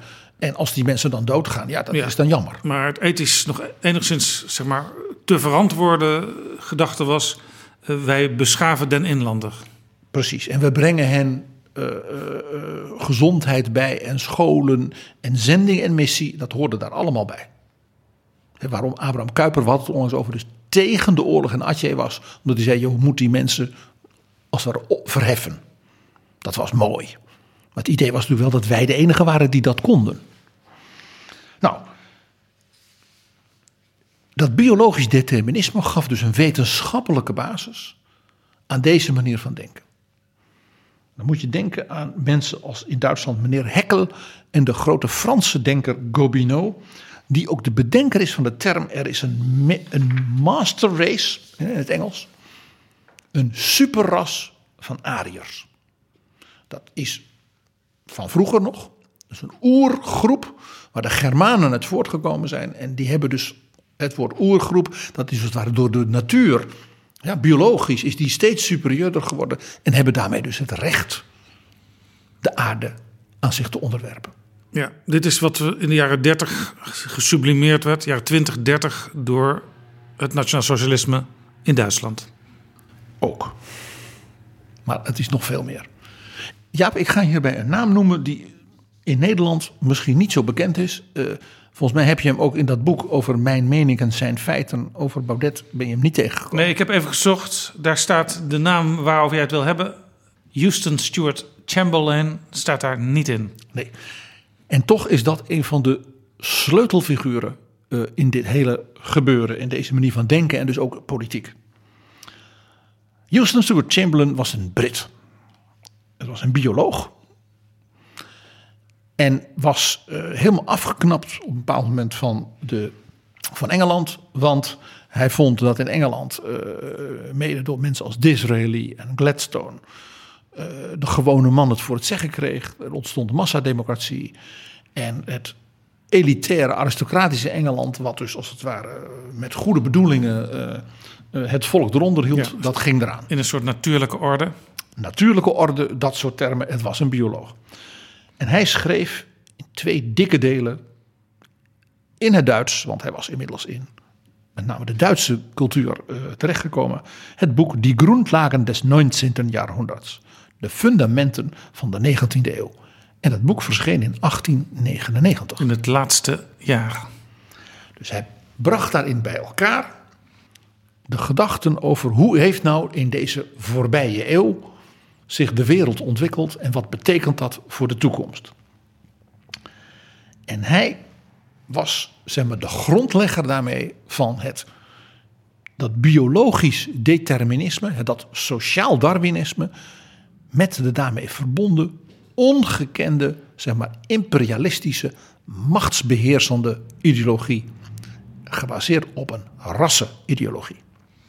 Hij werd ook wel genoemd de Johannes de Doper van Hitler. Later, in 1899, was Hitler tien jaar oud. Onthoud in de geschiedenis, Jaap, dingen zijn niet altijd zoals je ze achteraf denkt. Adolf Hitler had ook gewoon de zoon van die douaneambtenaar in Oostenrijk kunnen blijven, waar nooit iemand van gehoord had. En dan was dat boek van Chamberlain toch echt verschenen in 1899. Nou, in dat boek zegt hij van, kijk, als het dus zo is dat er een superieure ras is, ja, de latere de Ariërs, wat dan later de Germanen zijn, dan kan dat maar alleen maar betekenen dat dus de wereld, ja, als het ware naar een hoger plan getild moet worden door de almacht van zo'n superieure groep. Want daarvoor is die er. Dus de democratie is vanuit raciaal oogpunt gezien volkomen verwerpelijk. Dat is helemaal fout. Waar komen nou die Ariërs vandaan? Die kwamen uit Azië. Eh, Chamberlain is zelfs Sanskriet gaan leren om dus de, de, die, die, die, de, Bhagavad Gita en die Veda eh, eh, gedichten te kunnen lezen. Want volgens hem waren dat de echo's van wat de Arische, Ariërs als een soort goden diep in het verleden hadden opgeschreven. Zo moest de wereld eruit gaan zien. Dus die superieure raciale types waren halve goden ook. Daarmee onttrok zich natuurlijk in zekere zin langzamerhand van die wetenschappelijke eh, analyse. Dus dat biologisch determinisme werd in deze ideologie als het ware zo ideologisch dat het bijna zich weer onttrok aan de wetenschap. Een hele interessante ontwikkeling is dat. Wat je in zekere zin natuurlijk bij Lenin ook zag. Die zei, nou ja, we gaan de wetenschap gewoon op zijn kop zetten. We draaien het gewoon om. Dat kan ook. Dan Ja. gebruik je geweld. Ja, maar het was ook een teken van wetenschap. Dat is een moderne manier om dingen te verklaren. Maar die wetenschap schiet af en toe tekort en dan moeten we iets anders bedenken. Dan verbeter je hem. Inderdaad. Dat was wat Chamberlain dus ook deed. Dus Chamberlain die kwam met zijn verhaal over de Ariërs die dan uit Azië kwamen. Vandaar, Jaap, die fascinatie van de nazi's later met Tibet. En die delen van Azië. Denk aan die film met Brad Pitt in Tibet. Dat is een natie die daar dus op bezoek gaat bij wat wij dan de Dalai Lama noemen. En het hakenkruis als symbool. Dat kwam zogenaamd uit de Arische traditie van de Rigveda's. En inderdaad, dus die oer-Hindoes. Dus de democratie was in per definitie dus strijdig met die wetenschappelijke raciale analyse. Dus wie voor democratie was, was dus tegen het heil der mensheid. Dat is duidelijk. Was nog iets. Eh, dat betekende dus ook dat die democratie een uitvinding was van mensen die dit niet wilden. En dat waren de Joden. Want de Joden waren een ras, dat was niet een geloof. En dat was een ras dat overal in de wereld, als het ware, eh, zijn plek zocht en overal alles probeerde te ondermijnen. Andere rassen dus aan zich probeerden te onderwerpen. En ze waren vooral natuurlijk heel erg goed en machtig in de wereld van het geld en de wereld van de media en de cultuur. Alles wat niet deugde, daar zaten in deze theorie, in deze redenering, de Joden achter. De Joden hadden dus niet alleen de democratie bedacht, om daarmee dus te verhinderen dat de Ariërs ja, de macht kregen als supergroep. Ze hadden natuurlijk uiteraard ook het kapitalisme bedacht. Want ja, hè, alle Joden zijn bankiers. Ja, het is echt. ja.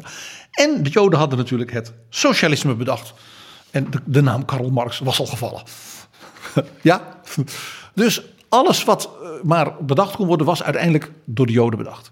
Eh, Chamberlain ging zo ver dat hij zei: de Chinezen hebben helemaal geen cultuur, hoe die daaraan kwam. Eh, maar goed, dat was zijn idee. En dat kwam doordat de Joden in China, als het ware, de mogelijke Arische invloeden vanuit India hadden ondermijnd. En daarom was dus eh, de Arische eh, cultuur in India wel de, de basis van de wereld geworden. En van dus de superieure cultuur van de Indo-Germanen. Vandaar ook Indo-Germanen. En de, helaas voor de Chinezen, die hadden dus dat niet meegekregen. Dat, ook dat was de schuld van de Joden. Nou, als ik je nou vertel, hij had toch wel meer vreemde ideeën. En nu wordt het echt heel eng hoor. eh, Ja, dus ik Ja, waarschuw. ik wou zeggen, we moeten eigenlijk even een pauze inlassen in deze podcast. Misschien even eh, een muziekje gaan draaien, want het, het, het wordt allemaal te veel. Het, het- mijn hoofd kan dit niet meer verwerken. Ik vind klassieke muziek wel veel interessanter dan populairdere muziek. Er zit een, een, een, een heel leven van reflectie in. En dan gaat het door. En dan komt de verzoening.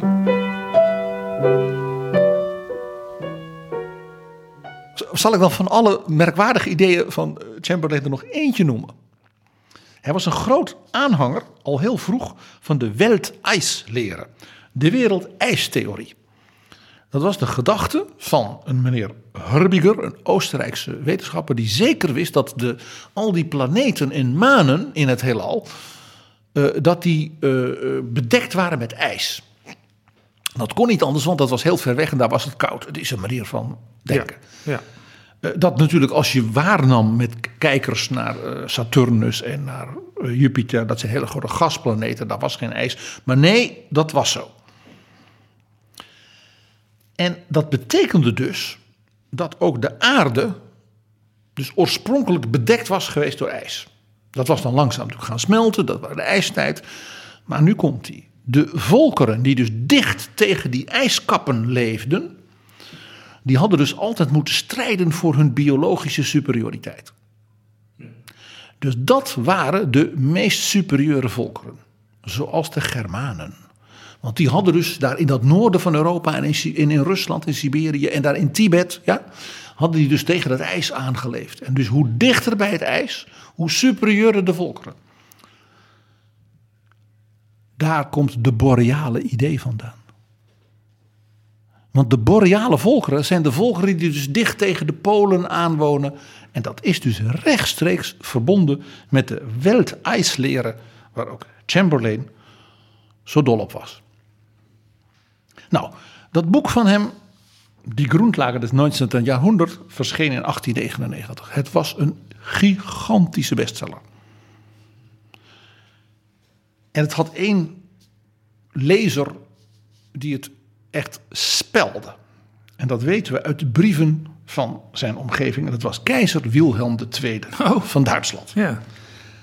De, de broer van de, kans, de Rijkskansler, meneer Ulrich von Bülow, schreef in januari 1901 dat de keizer het boek voor de tweede keer aan het lezen is en bladzij voor bladzij het tot zich neemt en dus aantekeningen maakt en alles.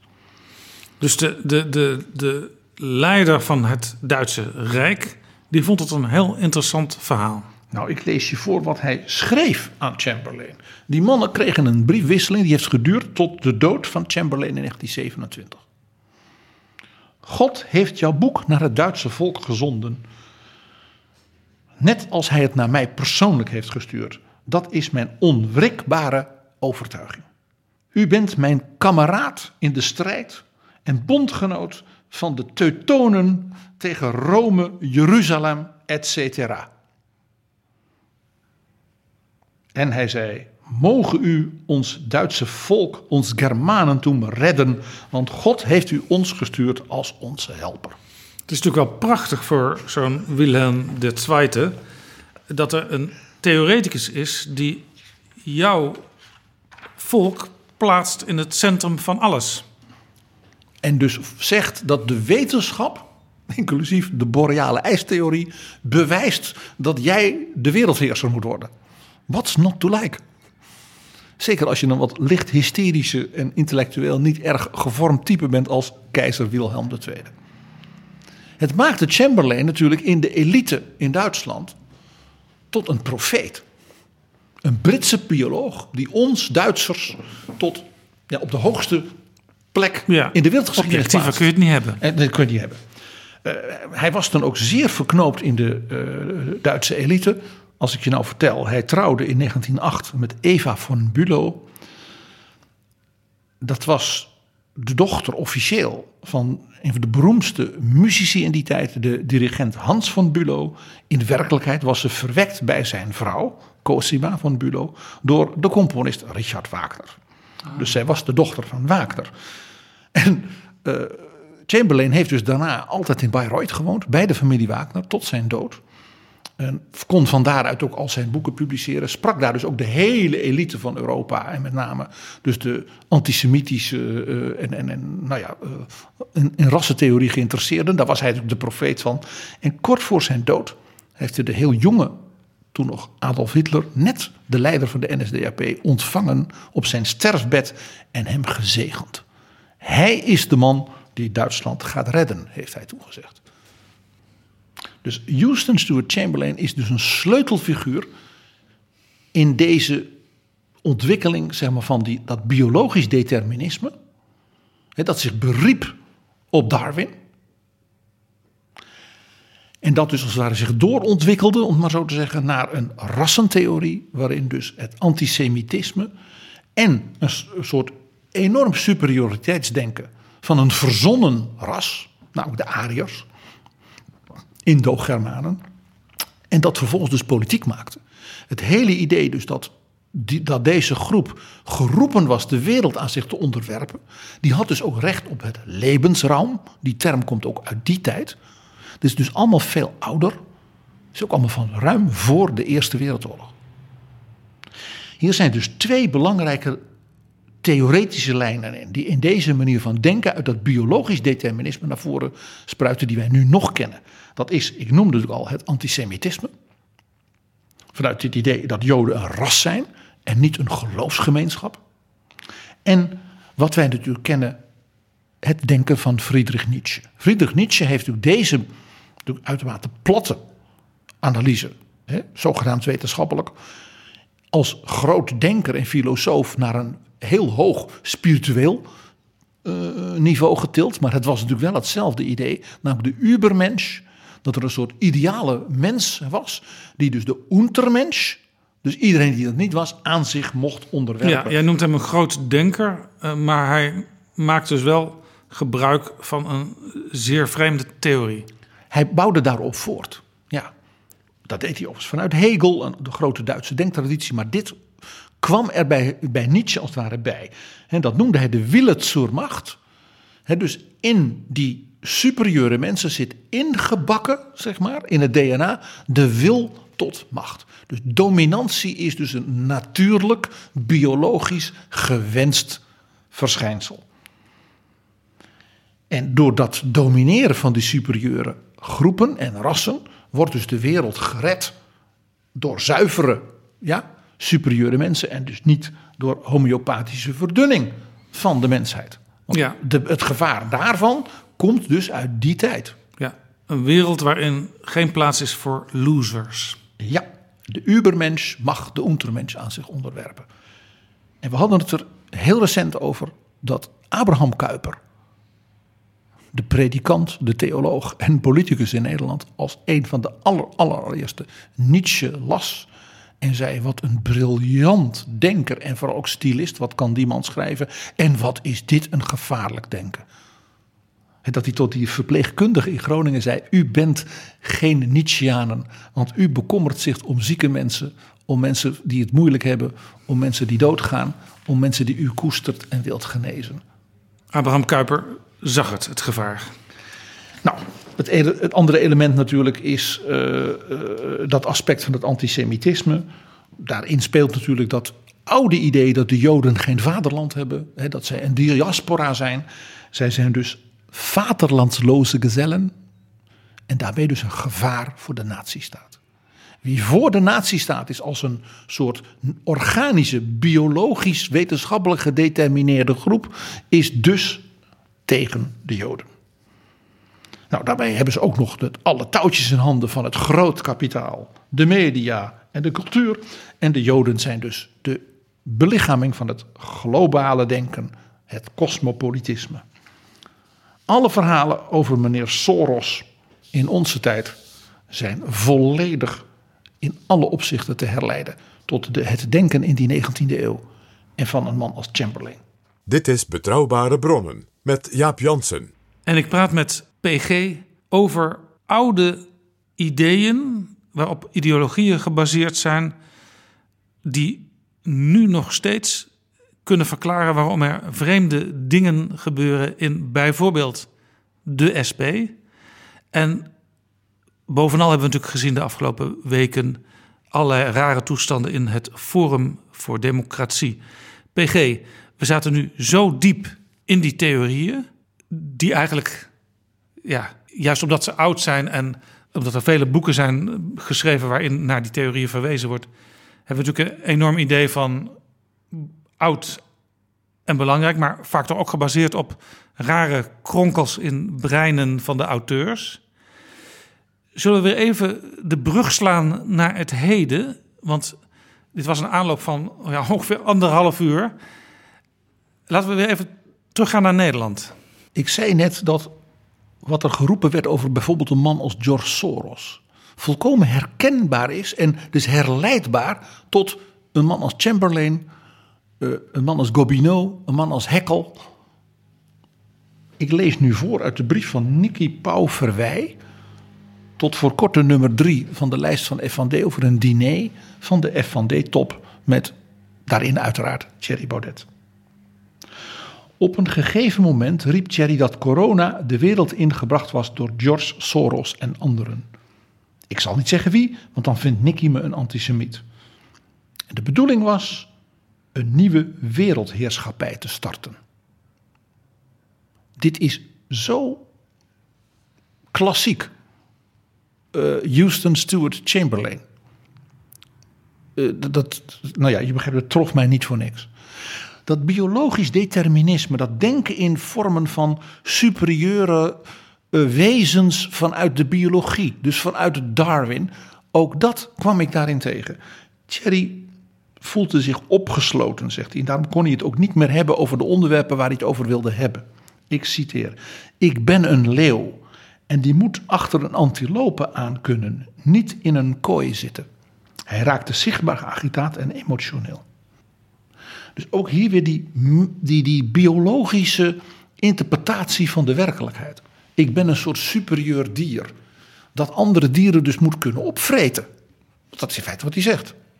Hoogst opmerkelijk als je dus kijkt naar dus die diepere wortels van het denken in met name dus die 19e eeuw. Als je het boek Mijn meningen zijn feiten leest, Harm Edebotje en Misha Cohen schreven het, over de ontwikkeling van de jonge Baudet tot wat hij nu is, dan zie je steeds weer op tal van plaatsen dit soort opmerkingen uit de mond van Baudet komen. Er wordt ook vaak vergoelijkend gezegd, ja, er waren wat Qua glazen, glazen wijn bij betrokken en zo. En Maar die opmerking die wij in het gesprek met, met, met Chris Albers, die mij zo toen echt als een bliksem trof. We gaan het personeel in de Tweede Kamer testen op Arisch bloed.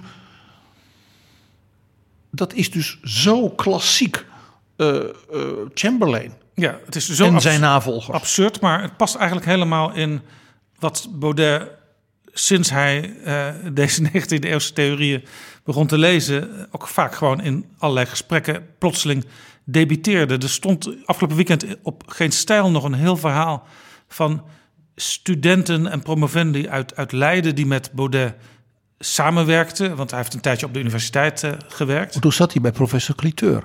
bij Cliteur. En daar riep hij dingen als: de Joden hebben de Tweede Wereldoorlog gewonnen en hebben nu grip op de media en de massamigratie. En als iemand dan zei: ja, is dat niet antisemitisch wat je hier zegt? Dan zei hij: ja, maar het is toch gewoon zo. Ze hebben toch de macht. En er is ook een bijeenkomst geweest in 2018 waarin hij sprak over Europa als een blanke beschaving waarin de Joden een parasitaire cultuur vormen. En hier zeg ik opnieuw, dit is dus dat biologisch determinisme. De Joden zijn dus blijkbaar een soort, soort ras. En het begrip parasitair is natuurlijk uit de biologie. Zij zijn parasieten. Dus zij ondermijnen de gezondheid van zeg maar, die, die, die biologische bloei van andere rassen. Het is. Ja, Ja, je, je- hoort me bijna stotteren ja nou, ik, ik heb dat ook. omdat, want- het zo, omdat dus dat biologische aspect, Ja. wat dus bij Heckel zat, bij Gobineau, hè, dat dan bij Chamberlain tot een soort, soort historische, met inclusief boreale ijstheorie, hè, en wat door Nietzsche dan tot een soort filosofisch model wordt gemaakt, dat kom je dus bijna letterlijk, woordelijk hier tegen. Ja, en als je zo denkt, een lichaam dat ziek is, ja, dan, dan, dan moet dat, dat zieke moet worden uitgesneden. Ja, het is allemaal te gruwelijk om over door te denken. Jaap, het meest opmerkelijke altijd van die ideologische, zeg maar, wortels in die 19e eeuw, in de politiek van de 20e en de 21e eeuw, is natuurlijk dat hun doorwerking vaak het meest opvallende is binnen die eigen zeg maar, politieke bewegingen, partijen, kringen, die zich daarop beroepen. En misschien is het wel aardig in het licht ook van wat er de vorige dagen en weken is gebeurd en misschien nog wel gaat gebeuren, om even de effecten dus van deze manier van denken, zowel bij Marx en vooral zijn navolgers, als in het sociaal Darwinisme, dus zeg maar die materialistische linkerkant en die biologische rechterkant, om dat eens even puntsgewijs kort langs te lopen. Dan zul je zien dat het zo actueel is als maar kan. Ten eerste, als het zo is dat er een één wetenschappelijk bewezen ware verklaring voor de werkelijkheid is, dan kan er dus ook maar één wetenschap bewezen ware politiek gelden die die namelijk toepast. Ja, vandaar dat er een eenpartijstaat moet zijn met één leider. En vandaar dus dat de democratie is bedacht door de vijanden van de nazistaat, zoals Chamberlain dat noemde. Zoals dus het beroemde lied in de DDR, die partij, die partij, die partij, die partij had immer recht. Het is Ja, ja, de die we alles gehoord hebben in de aflevering over de DDR aan de vooravond van de val van de muur. Men marcheerde nog op de oude wijze voort. En dat was dus zo kort samengevat als maar kon, precies zoals het was. En volstrekt logisch, want het was allemaal gebaseerd op wetenschappelijk bewezen theorieën.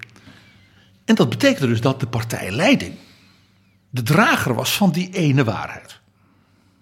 Of het nou de worst was, die prachtige titel die Stalin droeg, of het nou de Führer was, of het het politbureau was, die moet- droeg die ene geldige waarheid. Heb je dus kritiek of vragen daarbij, dan stel je dus de wetenschappelijke waarheid die die leider draagt ter discussie. Dat kan niet. Dan ben je dus niet waar dan ben je dus een leugenaar, dan, ben je dus, dan ondermijn je dus die waarheid en ben je dus een verrader. Dan kun jij dus niet deugen als mens, als wetenschapper, eh, als bondgenoot. Ik lees nu voor de brief van Nicky Pauw Verwij over datzelfde diner. Zij vertelt dat aan het eind de heer Baudet aanvallen begon te doen op de daar aanwezigen. Richting mij medische expertise in twijfel trekken. Zij kon dus geen goede wetenschapper zijn. Terwijl in het FVD-journaal zij juist altijd als arts werd geprezen. Precies. Richting Joost. Tussen, tussen haakjes machtslust verwijten. Eva, tussen haakjes, verwijt van verraad. Het is de klassieke manier van de doorwerking dus van dat soort denken binnen de eigen organisatie. Als er dus een waarheid is, en dat is die in de handen van de leiding en nergens anders, dan is dus voor de toepassing van het idee van die heilstaat of die almacht natuurlijk noodzakelijk dat de meest vergaande, radicale interpretatie van die waarheid de enige is die geldt. Niet een halve versie, een soort compromis tussen vleugel A en vleugel B en dit. Nee, de meest zuivere, het wordt alleen al, radicale variëteit. Dat betekent dus dat er altijd wordt gezocht naar een nog verder gaande radicale interpretatie. Vandaar dat dit soort partijen ook aantrekkingskracht hebben op radicale en radicaliserende jongeren. En op mensen die dus zwart-wit denken, zich daarin thuis voelen. En dus ook mensen die hondenfluitjes verstaan. En heel belangrijk is dus in zulke organisaties is iets als compromis, als geven en nemen, per definitie niet mogelijk. Want daarin zit twijfel, daarin zit analyse, daarin zit hij heeft ook wel een punt. Nee, hij heeft niet een punt. Het is verraad. Dus een compromis, consensus zoeken, bijvoorbeeld in Europa, landen die met elkaar proberen een probleem op te lossen, is intrinsiek verraderlijk. Nu begrijp je dus het anti-Europese affect heeft te maken met het feit dat een iets als consensus, als polderen, als consensus per definitie fout is. En vandaar dat ook een coalitie van democratische partijen met dit soort partijen eigenlijk altijd op een mislukking uitloopt. Het is intrinsiek niet mogelijk vanuit die partijen. Die democratische partijen hebben misschien nog wel eens het idee, nou ja, misschien kunnen we met hen. Een, en dat kan vanuit hen niet. Nee, nee, democratische partijen, daar wordt wel eens geredeneerd, we moeten ze het bad mee intrekken en dan leren ze wel hoe het werkt. Precies. Maar ze ontkennen dat er een bad is. Vandaar dat Joop den Uil altijd zo prachtig zei, wat was het grote verschil van hem als sociaaldemocraat, als socialist, met bijvoorbeeld dus de extreem linksen, de communisten. Hij zei altijd: Ik ben van het zondig ras der reformisten. En dat zei hij altijd een beetje besmuikt. Want hij herkende natuurlijk ook wel wat sommige radicale jongeren en zo riepen. Maar hij wist dat de werkelijkheid anders in elkaar zat. En als goed gereformeerde jongen wist hij dat dat ras zondig was, namelijk kwetsbaar. Dus reformisten, mensen die zeggen: laten we nou wel met consensusmechanismen stap voor stap dingen verbeteren voor de arbeiders, voor de gewone man. En dus niet de meest radicale versie en die als enige waarheid en dan opleggen en ieder ander is een verrader. Een zondig ras. En dus zijn er in dit soort organisaties vanwege die permanente radicalisering die in de leer zit, sprake van altijd zuiveringen. Er is altijd ruzie, er zijn afsplitsingen, scheuringen, rayementen. Mensen worden tegen de muur gezet, letterlijk en figuurlijk natuurlijk. Mensen worden gestraft, mensen worden in de gulag gestopt. Mensen, het is altijd zo dat er een permanent proces is van onderlinge zuivering. En dat heeft natuurlijk te maken met dat idee, waar we het eerder over hadden. We gaan de natuurwetten helpen versneld het heil dichterbij te brengen. Dus dat doe je ook intern in de vorm van zuiveringen. En dat hebben we natuurlijk, en dat zien we nu met ach, die arme zolderkamercommunisten van Rood. We zien het bij Trump. Al zijn getrouwen die hij nu weer allemaal wegtikt, mensen die hij ontslaat, die hem hebben gediend. En je zag dat natuurlijk zijn meest, in de meest hysterische versie natuurlijk in Forum voor Democratie. Het hield niet op met dat meneer Hazen-Winkelman wegging. Het hield niet op toen Otte wegging. Het ging maar door en maar door en maar door. Dus, dus dat aspect van die zuiveringen. Het is een permanent gulag-systeem, om het even heel onaardig te zeggen. Nou, dan nog een punt. Dat tuint er dus ook aan dat je zegt, maar het was toch een wetenschappelijk bewezen totaalbeeld.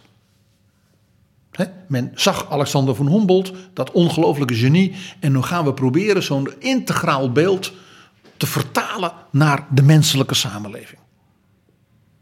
En het meest opvallende is dus dat dat totaalbeeld volkomen labiel is. Dit is een van de meest fascinerende aspecten van dit type organisaties en ideologie. Doordat men zegt, we hebben een totaalbeeld dat helemaal samenhangt, wetenschappelijk en alles, is het permanent labiel. Men is voortdurend aan het zuiveren, radicaliseren, mensen eruit gooien, afsplitsingen.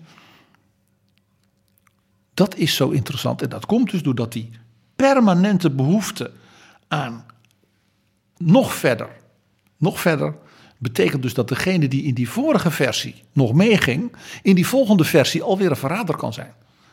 Vandaar dus ook die permanente noodzaak in dat soort regimes om met de Stasi en de ja, mensen voortdurend af te luisteren, dat elkaar voortdurend beschimpen, beloeren, dat zit dus merkwaardig genoeg in het systeem, gecombineerd met dat het dus een totaal wetenschappelijk bewezen iets is. Steeds weer nieuwe varianten ook van die foto waarop je Lenin ziet oreren met naast zich Leon Trotsky, die weggezuiverd werd.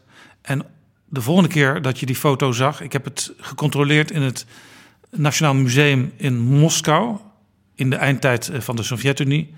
Daar zie je dus diezelfde foto. Trotsky is niet meer te zien, want daar staat plotseling een soort houten muurtje op de plek waar je eerst Trotsky kon zien. En ik weet dat jij wel eens vertelt over een filmscène of een scène opgenomen tijdens het partijcongres van de Baatpartij in Bagdad met Saddam Ja. Hussein, waarin je dat letterlijk ziet gebeuren. Ja, hij is dus een toespraak aan het houden waarin hij zijn plannen uiteenzet. Die hele zaal, het is een soort eh, ja, grote theaterzaal, zit vol met aanhangers die eigenlijk alleen maar applaudisseerden en steeds Toejuichen, ja. juichend gaan staan in, in, in complete adorering van de grote leider.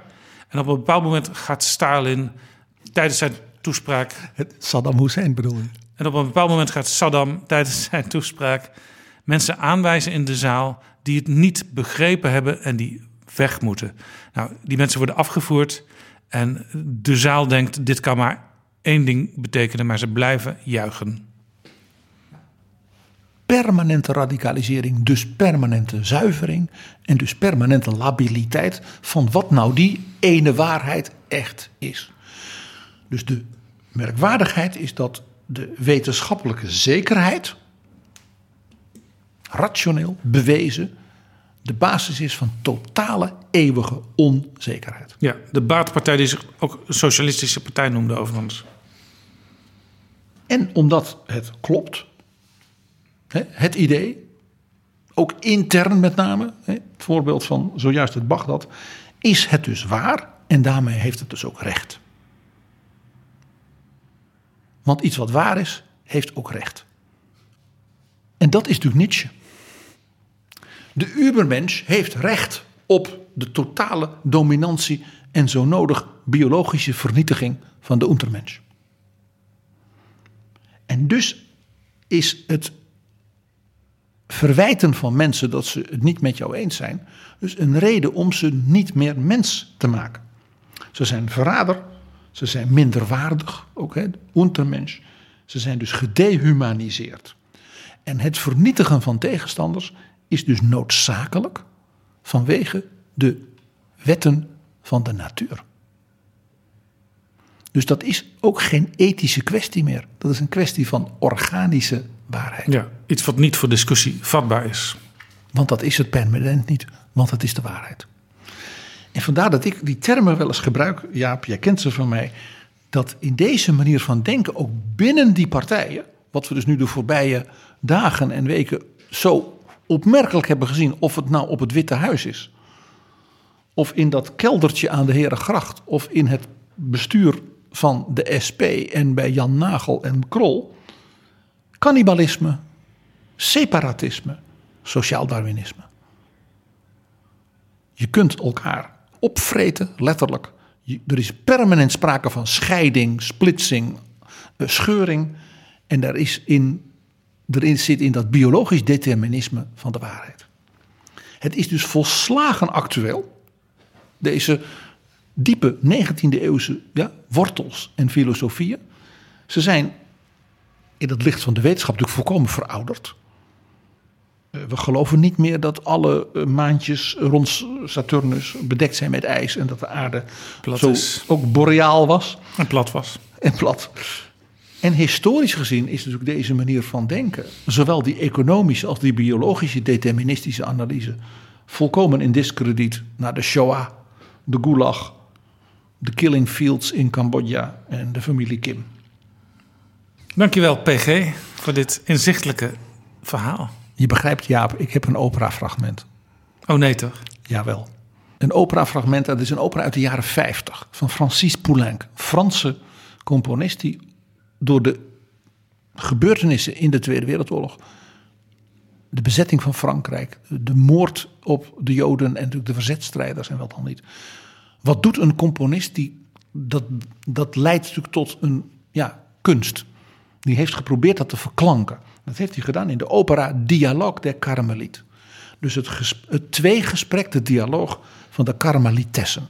Dus er gaat een opera en die speelt in een periode dat hij zegt, ja, Frankrijk natuurlijk op de toppen van zijn idealisme was. De Franse revolutie. Mensenrechten, hè, liberté, égalité, fraternité. En ook toen zag je die volledige radicalisering. Die opera gaat dus over een groepje nonnen die in die tijd de wereld om zich heen zien veranderen. En die langzaam maar zeker steeds verder ingesnoerd worden. En op een bepaald moment mogen ze dus niet meer hun habit aan. Ze mogen dan ook niet meer samenkomen, want dan konden ze wel eens de ware revolutie ondermijnen. En uiteindelijk worden zij veroordeeld tot de guillotine. Ja, dit was dus de ultieme consequentie van het revolutionaire gelijkheidsdenken. En van dus de absolute waarheid in de handen van de theoretische eigenaren van de cultuur. Robespierre en dergelijke. Dus deze nonnen worden dan veroordeeld. En de eindscène van deze opera is wereldberoemd. Bijna elke opera-liefhebber kent hem wel. Terwijl het stuk dus uit de jaren 50 is. Dus niet zo heel oud hè, in het licht van de operageschiedenis. Waarbij dus die nonnen, die komen dan, die worden naar de guillotine gereden. En gaan als groep dan, als het ware, eh, op het vlonder staan. Worden, hè, het volk staat eromheen. En één voor één gaan ze natuurlijk naar de valbijl. En zingen natuurlijk samen een loflied op Maria. Hè, dus zij, zij zien de hemel al open voor zich. Er is een andere werkelijkheid. En één voor één, dus dat, dat, dat koor van vrouwen dat het zingt, is al door eentje minder, eentje minder, eentje minder. Tot die ene non die gevlucht is, die staat dus anoniem in het publiek. En die stapt als laatste op die vlonder en gaat mee met haar zusters. Dus de intieme, de intieme en ultieme solidariteit van mensen. Dat is het eind van deze opera. En dat stukje zou ik heel graag zo pas, toepasselijk hier willen horen. En het is tenslotte klassieke muziek, beste Thierry.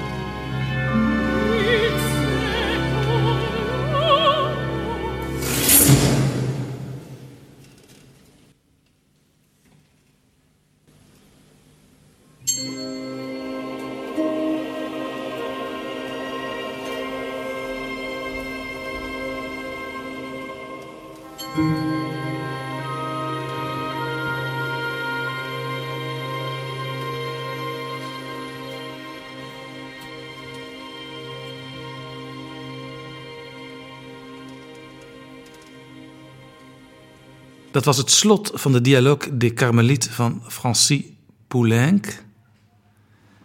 Ik moet ja, misschien tot slot ook nog denken aan die film Swing Kids over jongeren in het nazi-tijdperk. Die gewoon naar fijne, ja, wat toen de popmuziek was, jazzmuziek wilden luisteren. En dat mocht niet meer. Want het was muziek van negers. En was dus raciaal minderwaardig. Dankjewel, PG, voor dit inzichtelijke verhaal.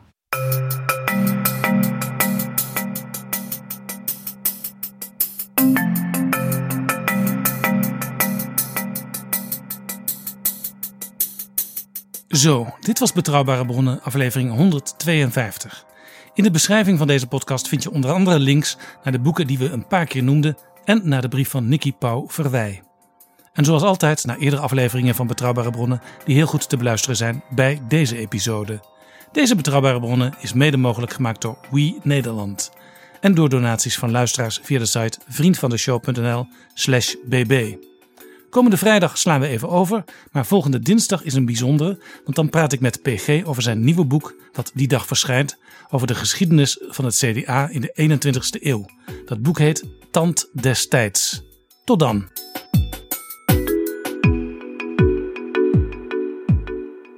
Betrouwbare bronnen wordt gemaakt door Jaap Jansen in samenwerking met dag en nacht.nl.